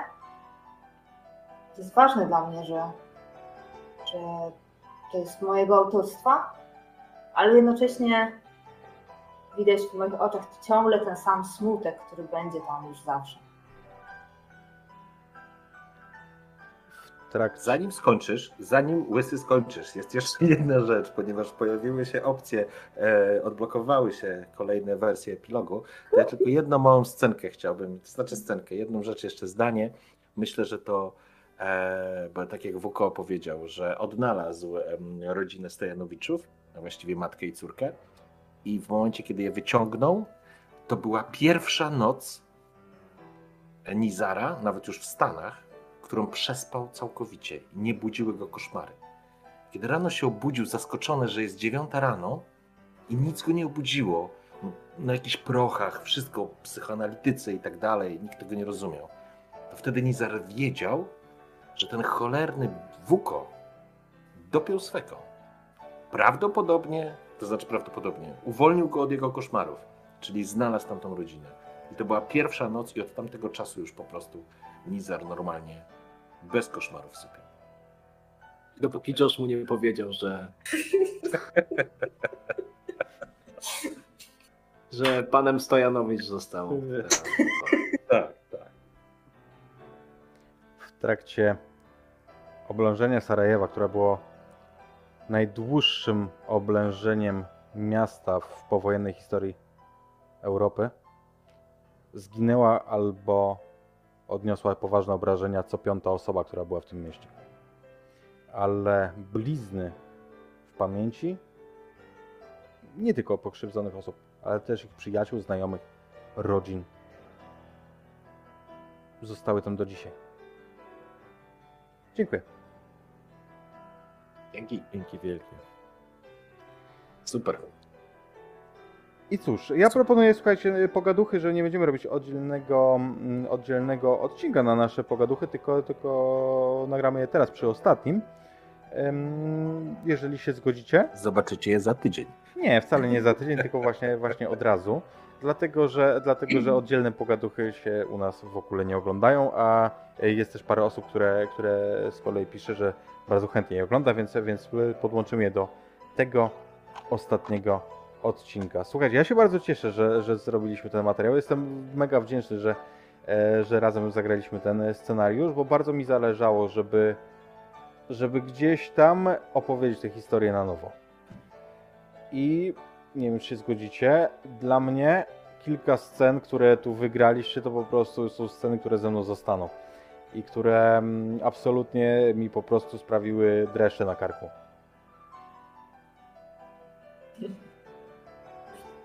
Ale tam się coś w komentarzach No. zadało. Weź ścisz trochę muzyczkę, jak możesz. E, mówisz, mówisz, masz. Co mówi? O, już lepiej.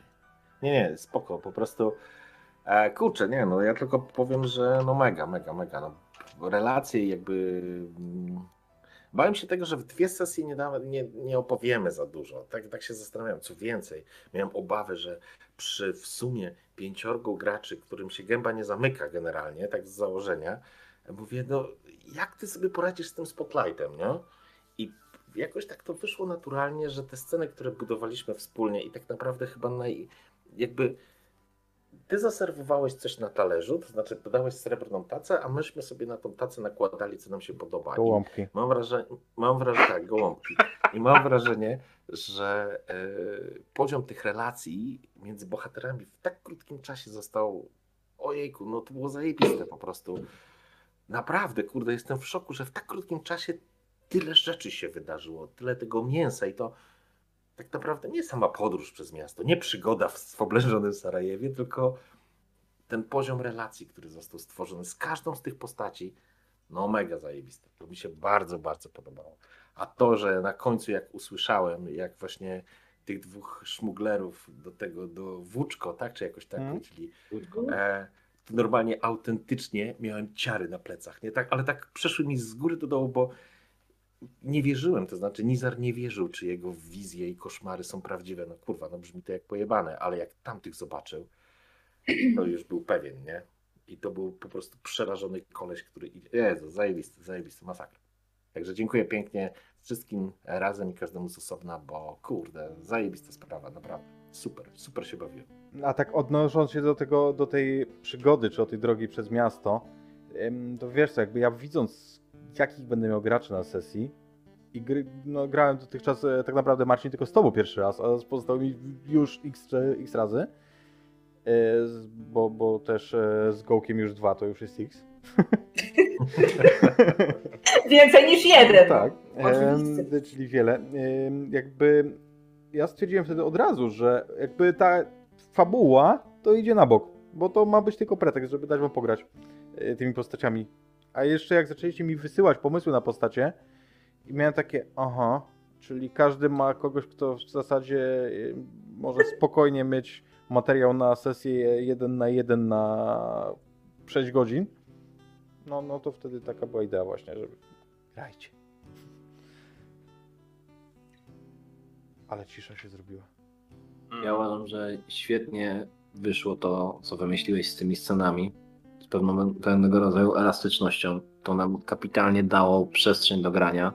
Później jeszcze bardzo fajne to, co padło w podsumowaniu ostatniej sesji. Ta, ta soczewka patrzenia przez Josha, która się teraz trochę rozmyła, do, dotknęła trochę Samry. Josh nam się tutaj jakoś gdzieś tam u, uaktywnił. No niesamowicie się grało. Powiem wam szczerze, że jakby poziom rozgrywki, ta przemiana na przykład Nizara, jego jakby emocjonalne te zagrania mnie, Marcin, absolutnie zaimponowały, rozłożyły. Trendy jakby te, które robił Tarik i te jego takie złote momenty, no to coś niesamowitego. Monologi Josha też fajnie budowały, bo one były takim one były takim wentylem bezpieczeństwa. Tutaj jest jakieś napięcie i nagle Josh patrzy, tu jakiś kadr z tą samrą.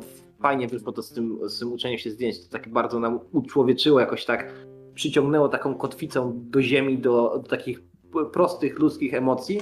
Wyrwało trochę z tej wojennej zawieruchy, więc później jak ona wróciła, to wróciła z takim no i Samra i jej zagrania pod tytułem Nie wolno robić teraz zdjęć. No. To było tak, ja mówię, o co chodzi? Ty masz małe dziecko, rozumiem, ale jakby chyba nie, jakby wczoraj byłaś dziesięciolatką, co tu się stało, nie? Jakby takie to było tak dziecięce. Kapitalnie to było zagrane. Kapitalnie. W sensie to było takie dziecko, dziecko w dziecku. Takie, to właśnie to było takie przerażające, że takie dziecko ma taką wiedzę i, i właśnie ten kontrast, to już rozmawialiśmy wtedy po tamtej sesji, Tak, tak, że, tak, tak. że właśnie Samra tłumaczy kurwa Joshowi, który jest od niej wiesz, 12 lat starszy, czy tam 10 e, i, i on jest taki ale co Bo to jest inna, bo to już jest inna rzeczywistość. Tak, nie pal, nie, ja, ja w nie pal zapałek w oknach, nie? Kurwa, puf, to było zajebiste, naprawdę. Jeszcze ta e, scena końcowa, teraz jak oddał mi ten nóż, to ja miałem też takie. To dobre.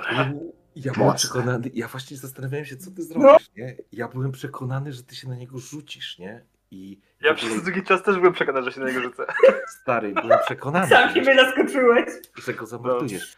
Ja w ogóle miałem taki plan, żeby zamordować Wukonie. W momencie, kiedy przyśniło mi się to i miałem tą wizję, e, i, i wiedziałem, że to on, to znaczy wiedziałem na jakimś tam poziomie świadomości, nie? Tylko strach przed Wukonie spowodował, że a, zabijecie, nie? No, to było bez A ja- sensu. ja- Ale a propos wizji, a propos, a propos wizji Karczmar, słuchaj, bo to było tak, no jakby miałem gdzieś rozpisany ten twój sen, nie? Tylko tak, weszliście do tego domu i Wuku mówi, hmm, musimy iść w dzień, nie będziemy spali. Tak, drugą sesję, jakbyśmy nie spali, to byś się wkurwił, nie? Słuchaj, Znaczy, bo ten sen, Ja- ten, ten sen zakładałem, że będzie wcześniej, ale no nie spałeś, nie? ja ostro przemyśliwałem nad tym, żeby wystawić ci się. Ci powiedzieć, zostawiam karabin na dole na przykład, nie? I idę gdzieś tam na górę albo coś takiego. Że myślałem nad tym, żeby to zrobić, ale jakoś zobaczyłem, że ty trochę idziesz w inną stronę i stwierdziłem, dobra, to może będzie później szansa. I, I drugi moment, w którym też myślałem, że to się może wydarzyć, to było jak ty podszedłeś powiedzieć mi ostatnie słowa i ja chciałem ci poddać pistolet. Mhm. powiedzieć, masz, może ci się przydać, nie? I się odwrócić do ciebie.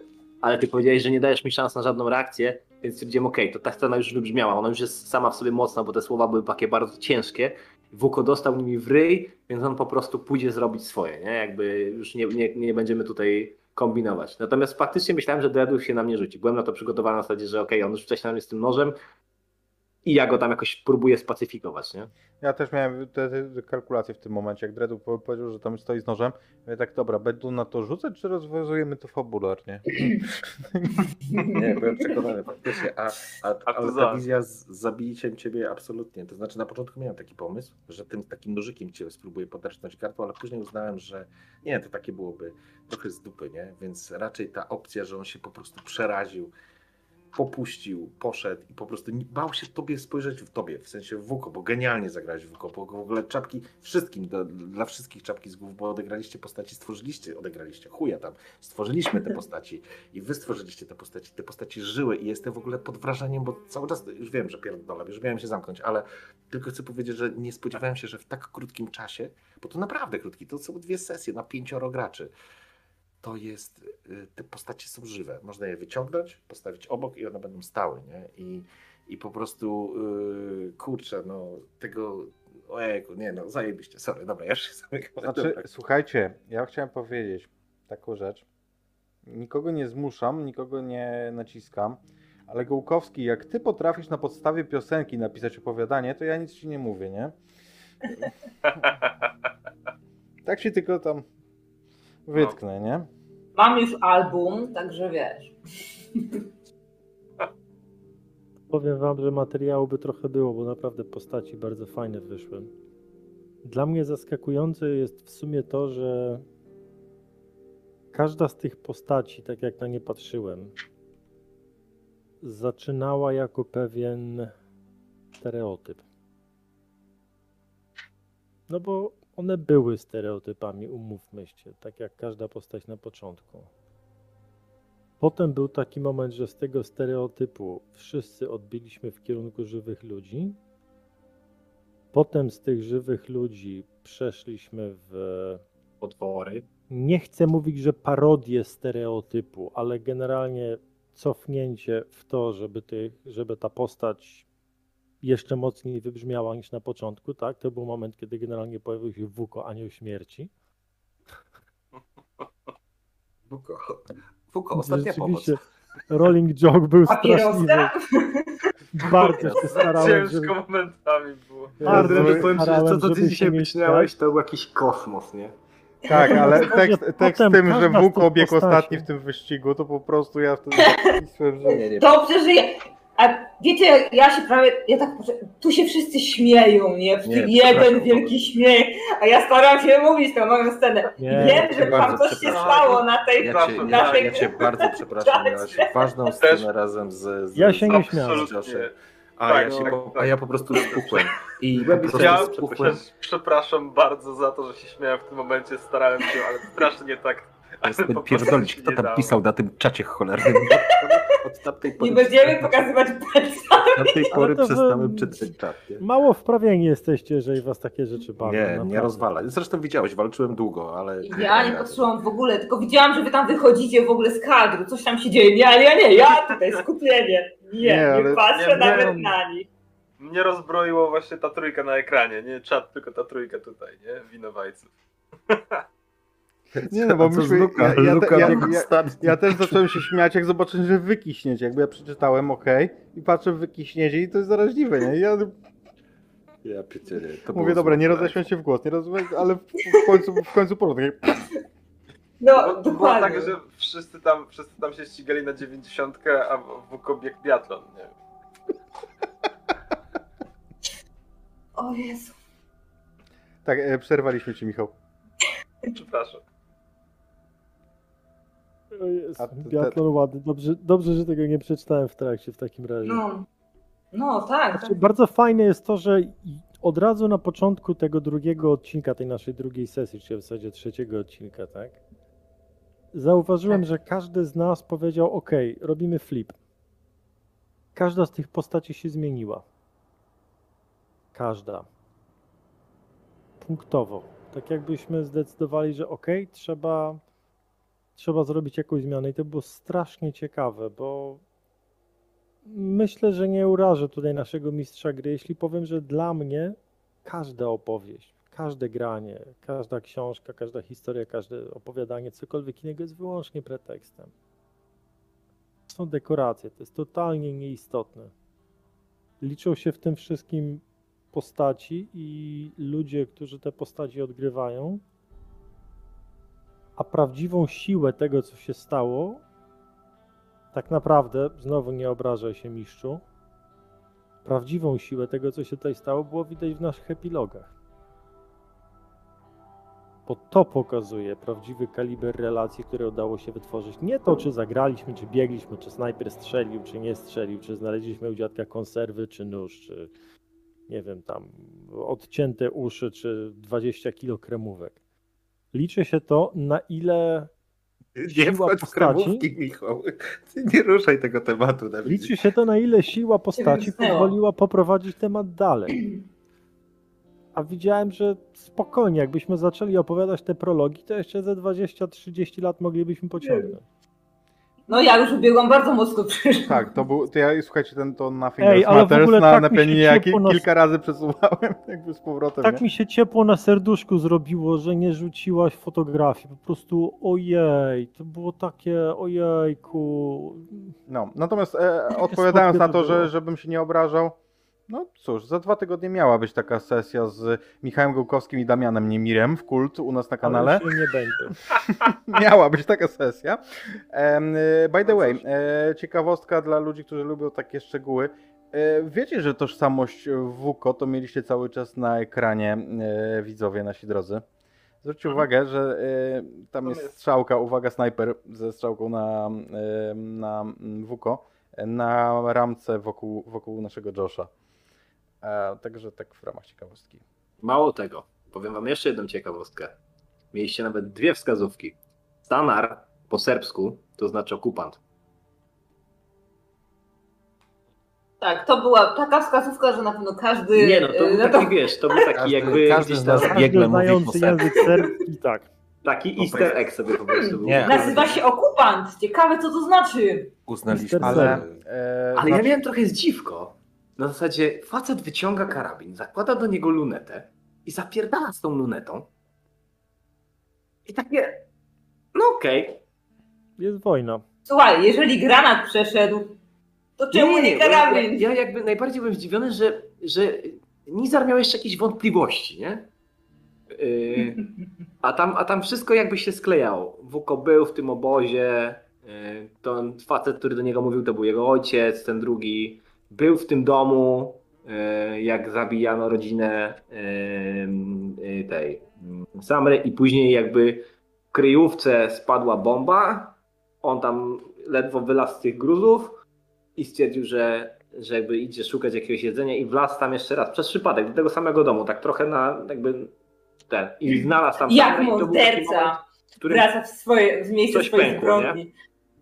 i on mówi, to, to dziecko jest symbolem. Jest symbolem walki z niesprawiedliwością, jest symbolem walki z Serbami, z tymi skurwysynami, którzy pozabijali też tych wszystkich niewinnych ludzi. Ale jeszcze jedna sprawa, bo e, jak ja z tobą, e, Michał, uz- uzgadnialiśmy tą wersję, bo, bo ja napisałam Michałowi, co się dokładnie wydarzyło w moim domu, tak żeby miał ten obraz.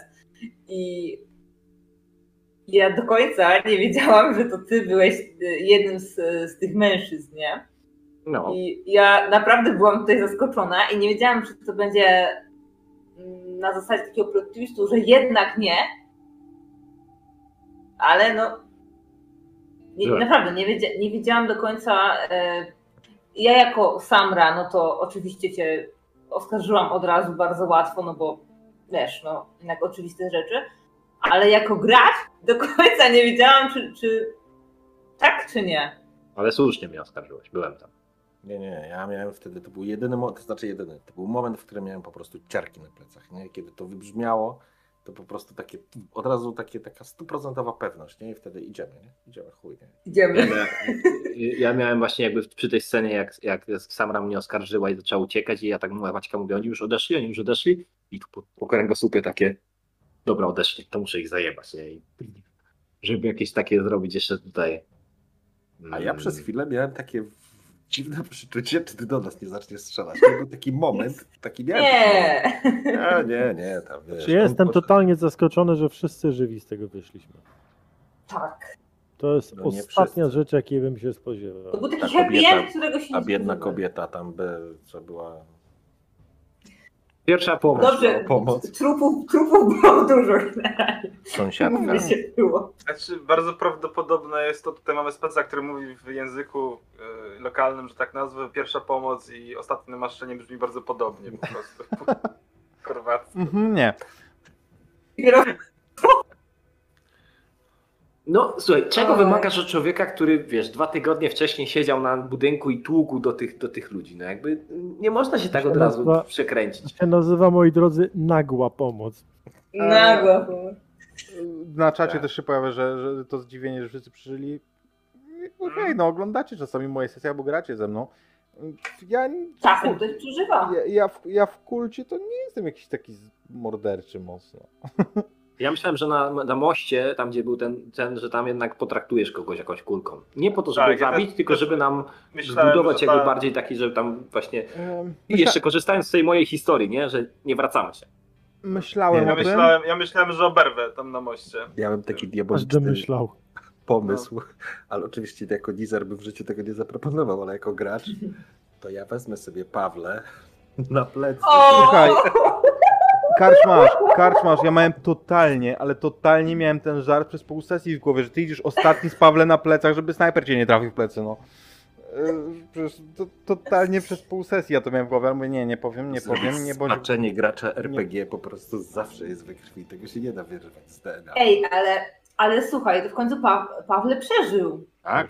Jest twoim przyrodnim bratem. czyli ta, czyli ta cała wizja.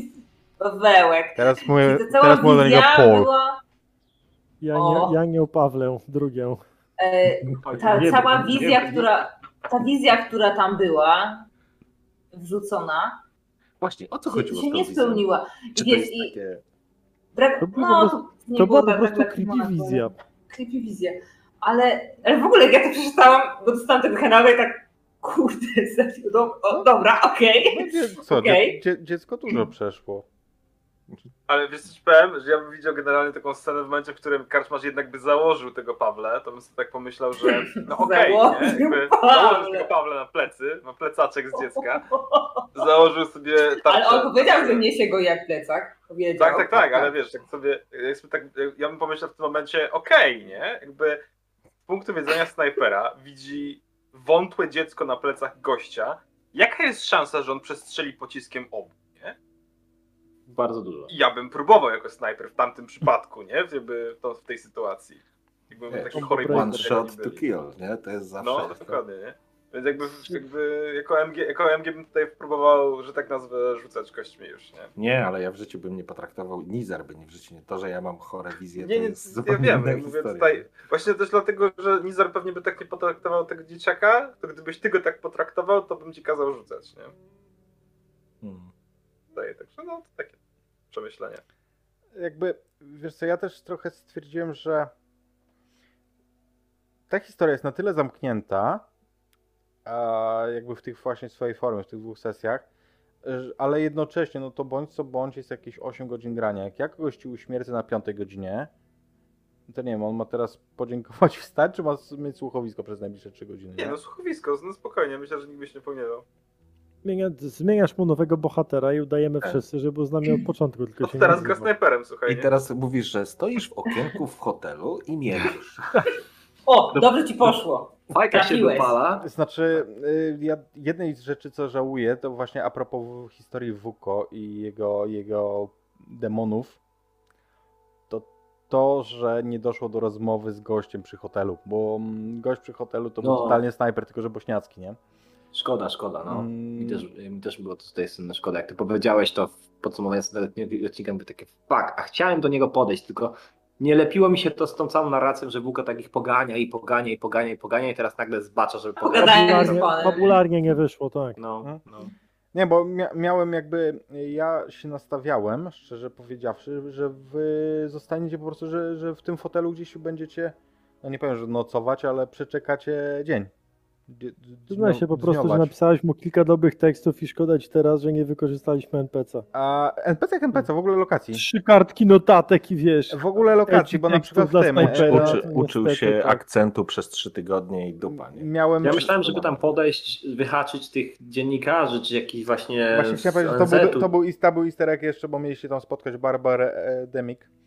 Czyli autorkę, autorkę świetnego reportażu o oblążonym Sarajewie. No to tam parę rzeczy było w tym hotelu, ale no, I, Wal, i Waldiego taksówkarza. akurat w, w kapciach nowy w czasie, nie? Na, w Jugosławii. Nie, y, Waldiego byśmy spotkali, jakbyśmy skorzystali z tego Fiata. Tam powinna być taka scena, że zabiera was ze stadionu Nuggetsów. A, Taksówka O, i tam tak? waldi tej Tak. taksówce, nie? Tak, To jest jak- takie. Jak, jak, Hello, guys! jak wampir Lestat w ostatnich scenach wywiadu z wampirem, nie? Tym Waldem- Kiedyś jeździłem w Krzyżowie na taksówce, teraz jeżdżę w Denver. You know, Cross City, Cross City. You know. You know. Dobra, Crossy. moi drodzy, 2,5 godziny streamu nam wybiło w tym odcinku ostatnim naszym finałowym. Więc my jeszcze będziemy pewnie kontynuować tę rozmowę off record, natomiast nagranie powoli zakończymy. Drodzy moi, bardzo Wam dziękuję za to, że mm, wytrwaliście z nami do końca, e, do końca naszej sarajewskiej opowieści inspirowanej This War of Mine. Dzięki moim graczom za wspólną, świetną zabawę. Zostawcie po sobie te wszystkie miłe rzeczy na dole, jeżeli oglądacie nas na YouTubie później. Suby są zawsze w cenie. I cóż, do zobaczenia. Jak wam się podobało, to udostępnijcie materiał. myślałam, że tylko jakby, jak się wam podobało, bo jak wam się nie podobało, to nie. To Wulko pobiegnie za podoba. wami, nie? Jak- Także jakby... Jak wam się nie podobało, to się nie znacie i widzi. spierdalajcie. Nie? Jak wam się nie spodoba, to weźmiecie udział w sztafecie, który będzie zamykał WUKO. Także udostępniajcie, Ale bo to nie są udostępnianie jest dosyć ryzykowne. Nie, tak, na, tak naprawdę, jak wam się nie, nie, nie podobało, to nie spierdalajcie. Możecie zostać. No, jaki ty jesteś. To napiszcie komentarz, co wam się nie podobało. Tak. Posypiemy głowę popiołem. I Trzymajcie się. WUKO zatańczy z wami. Na olimpiadzie. Dobrze, dziękuję pięknie. Piona. Dobranoc.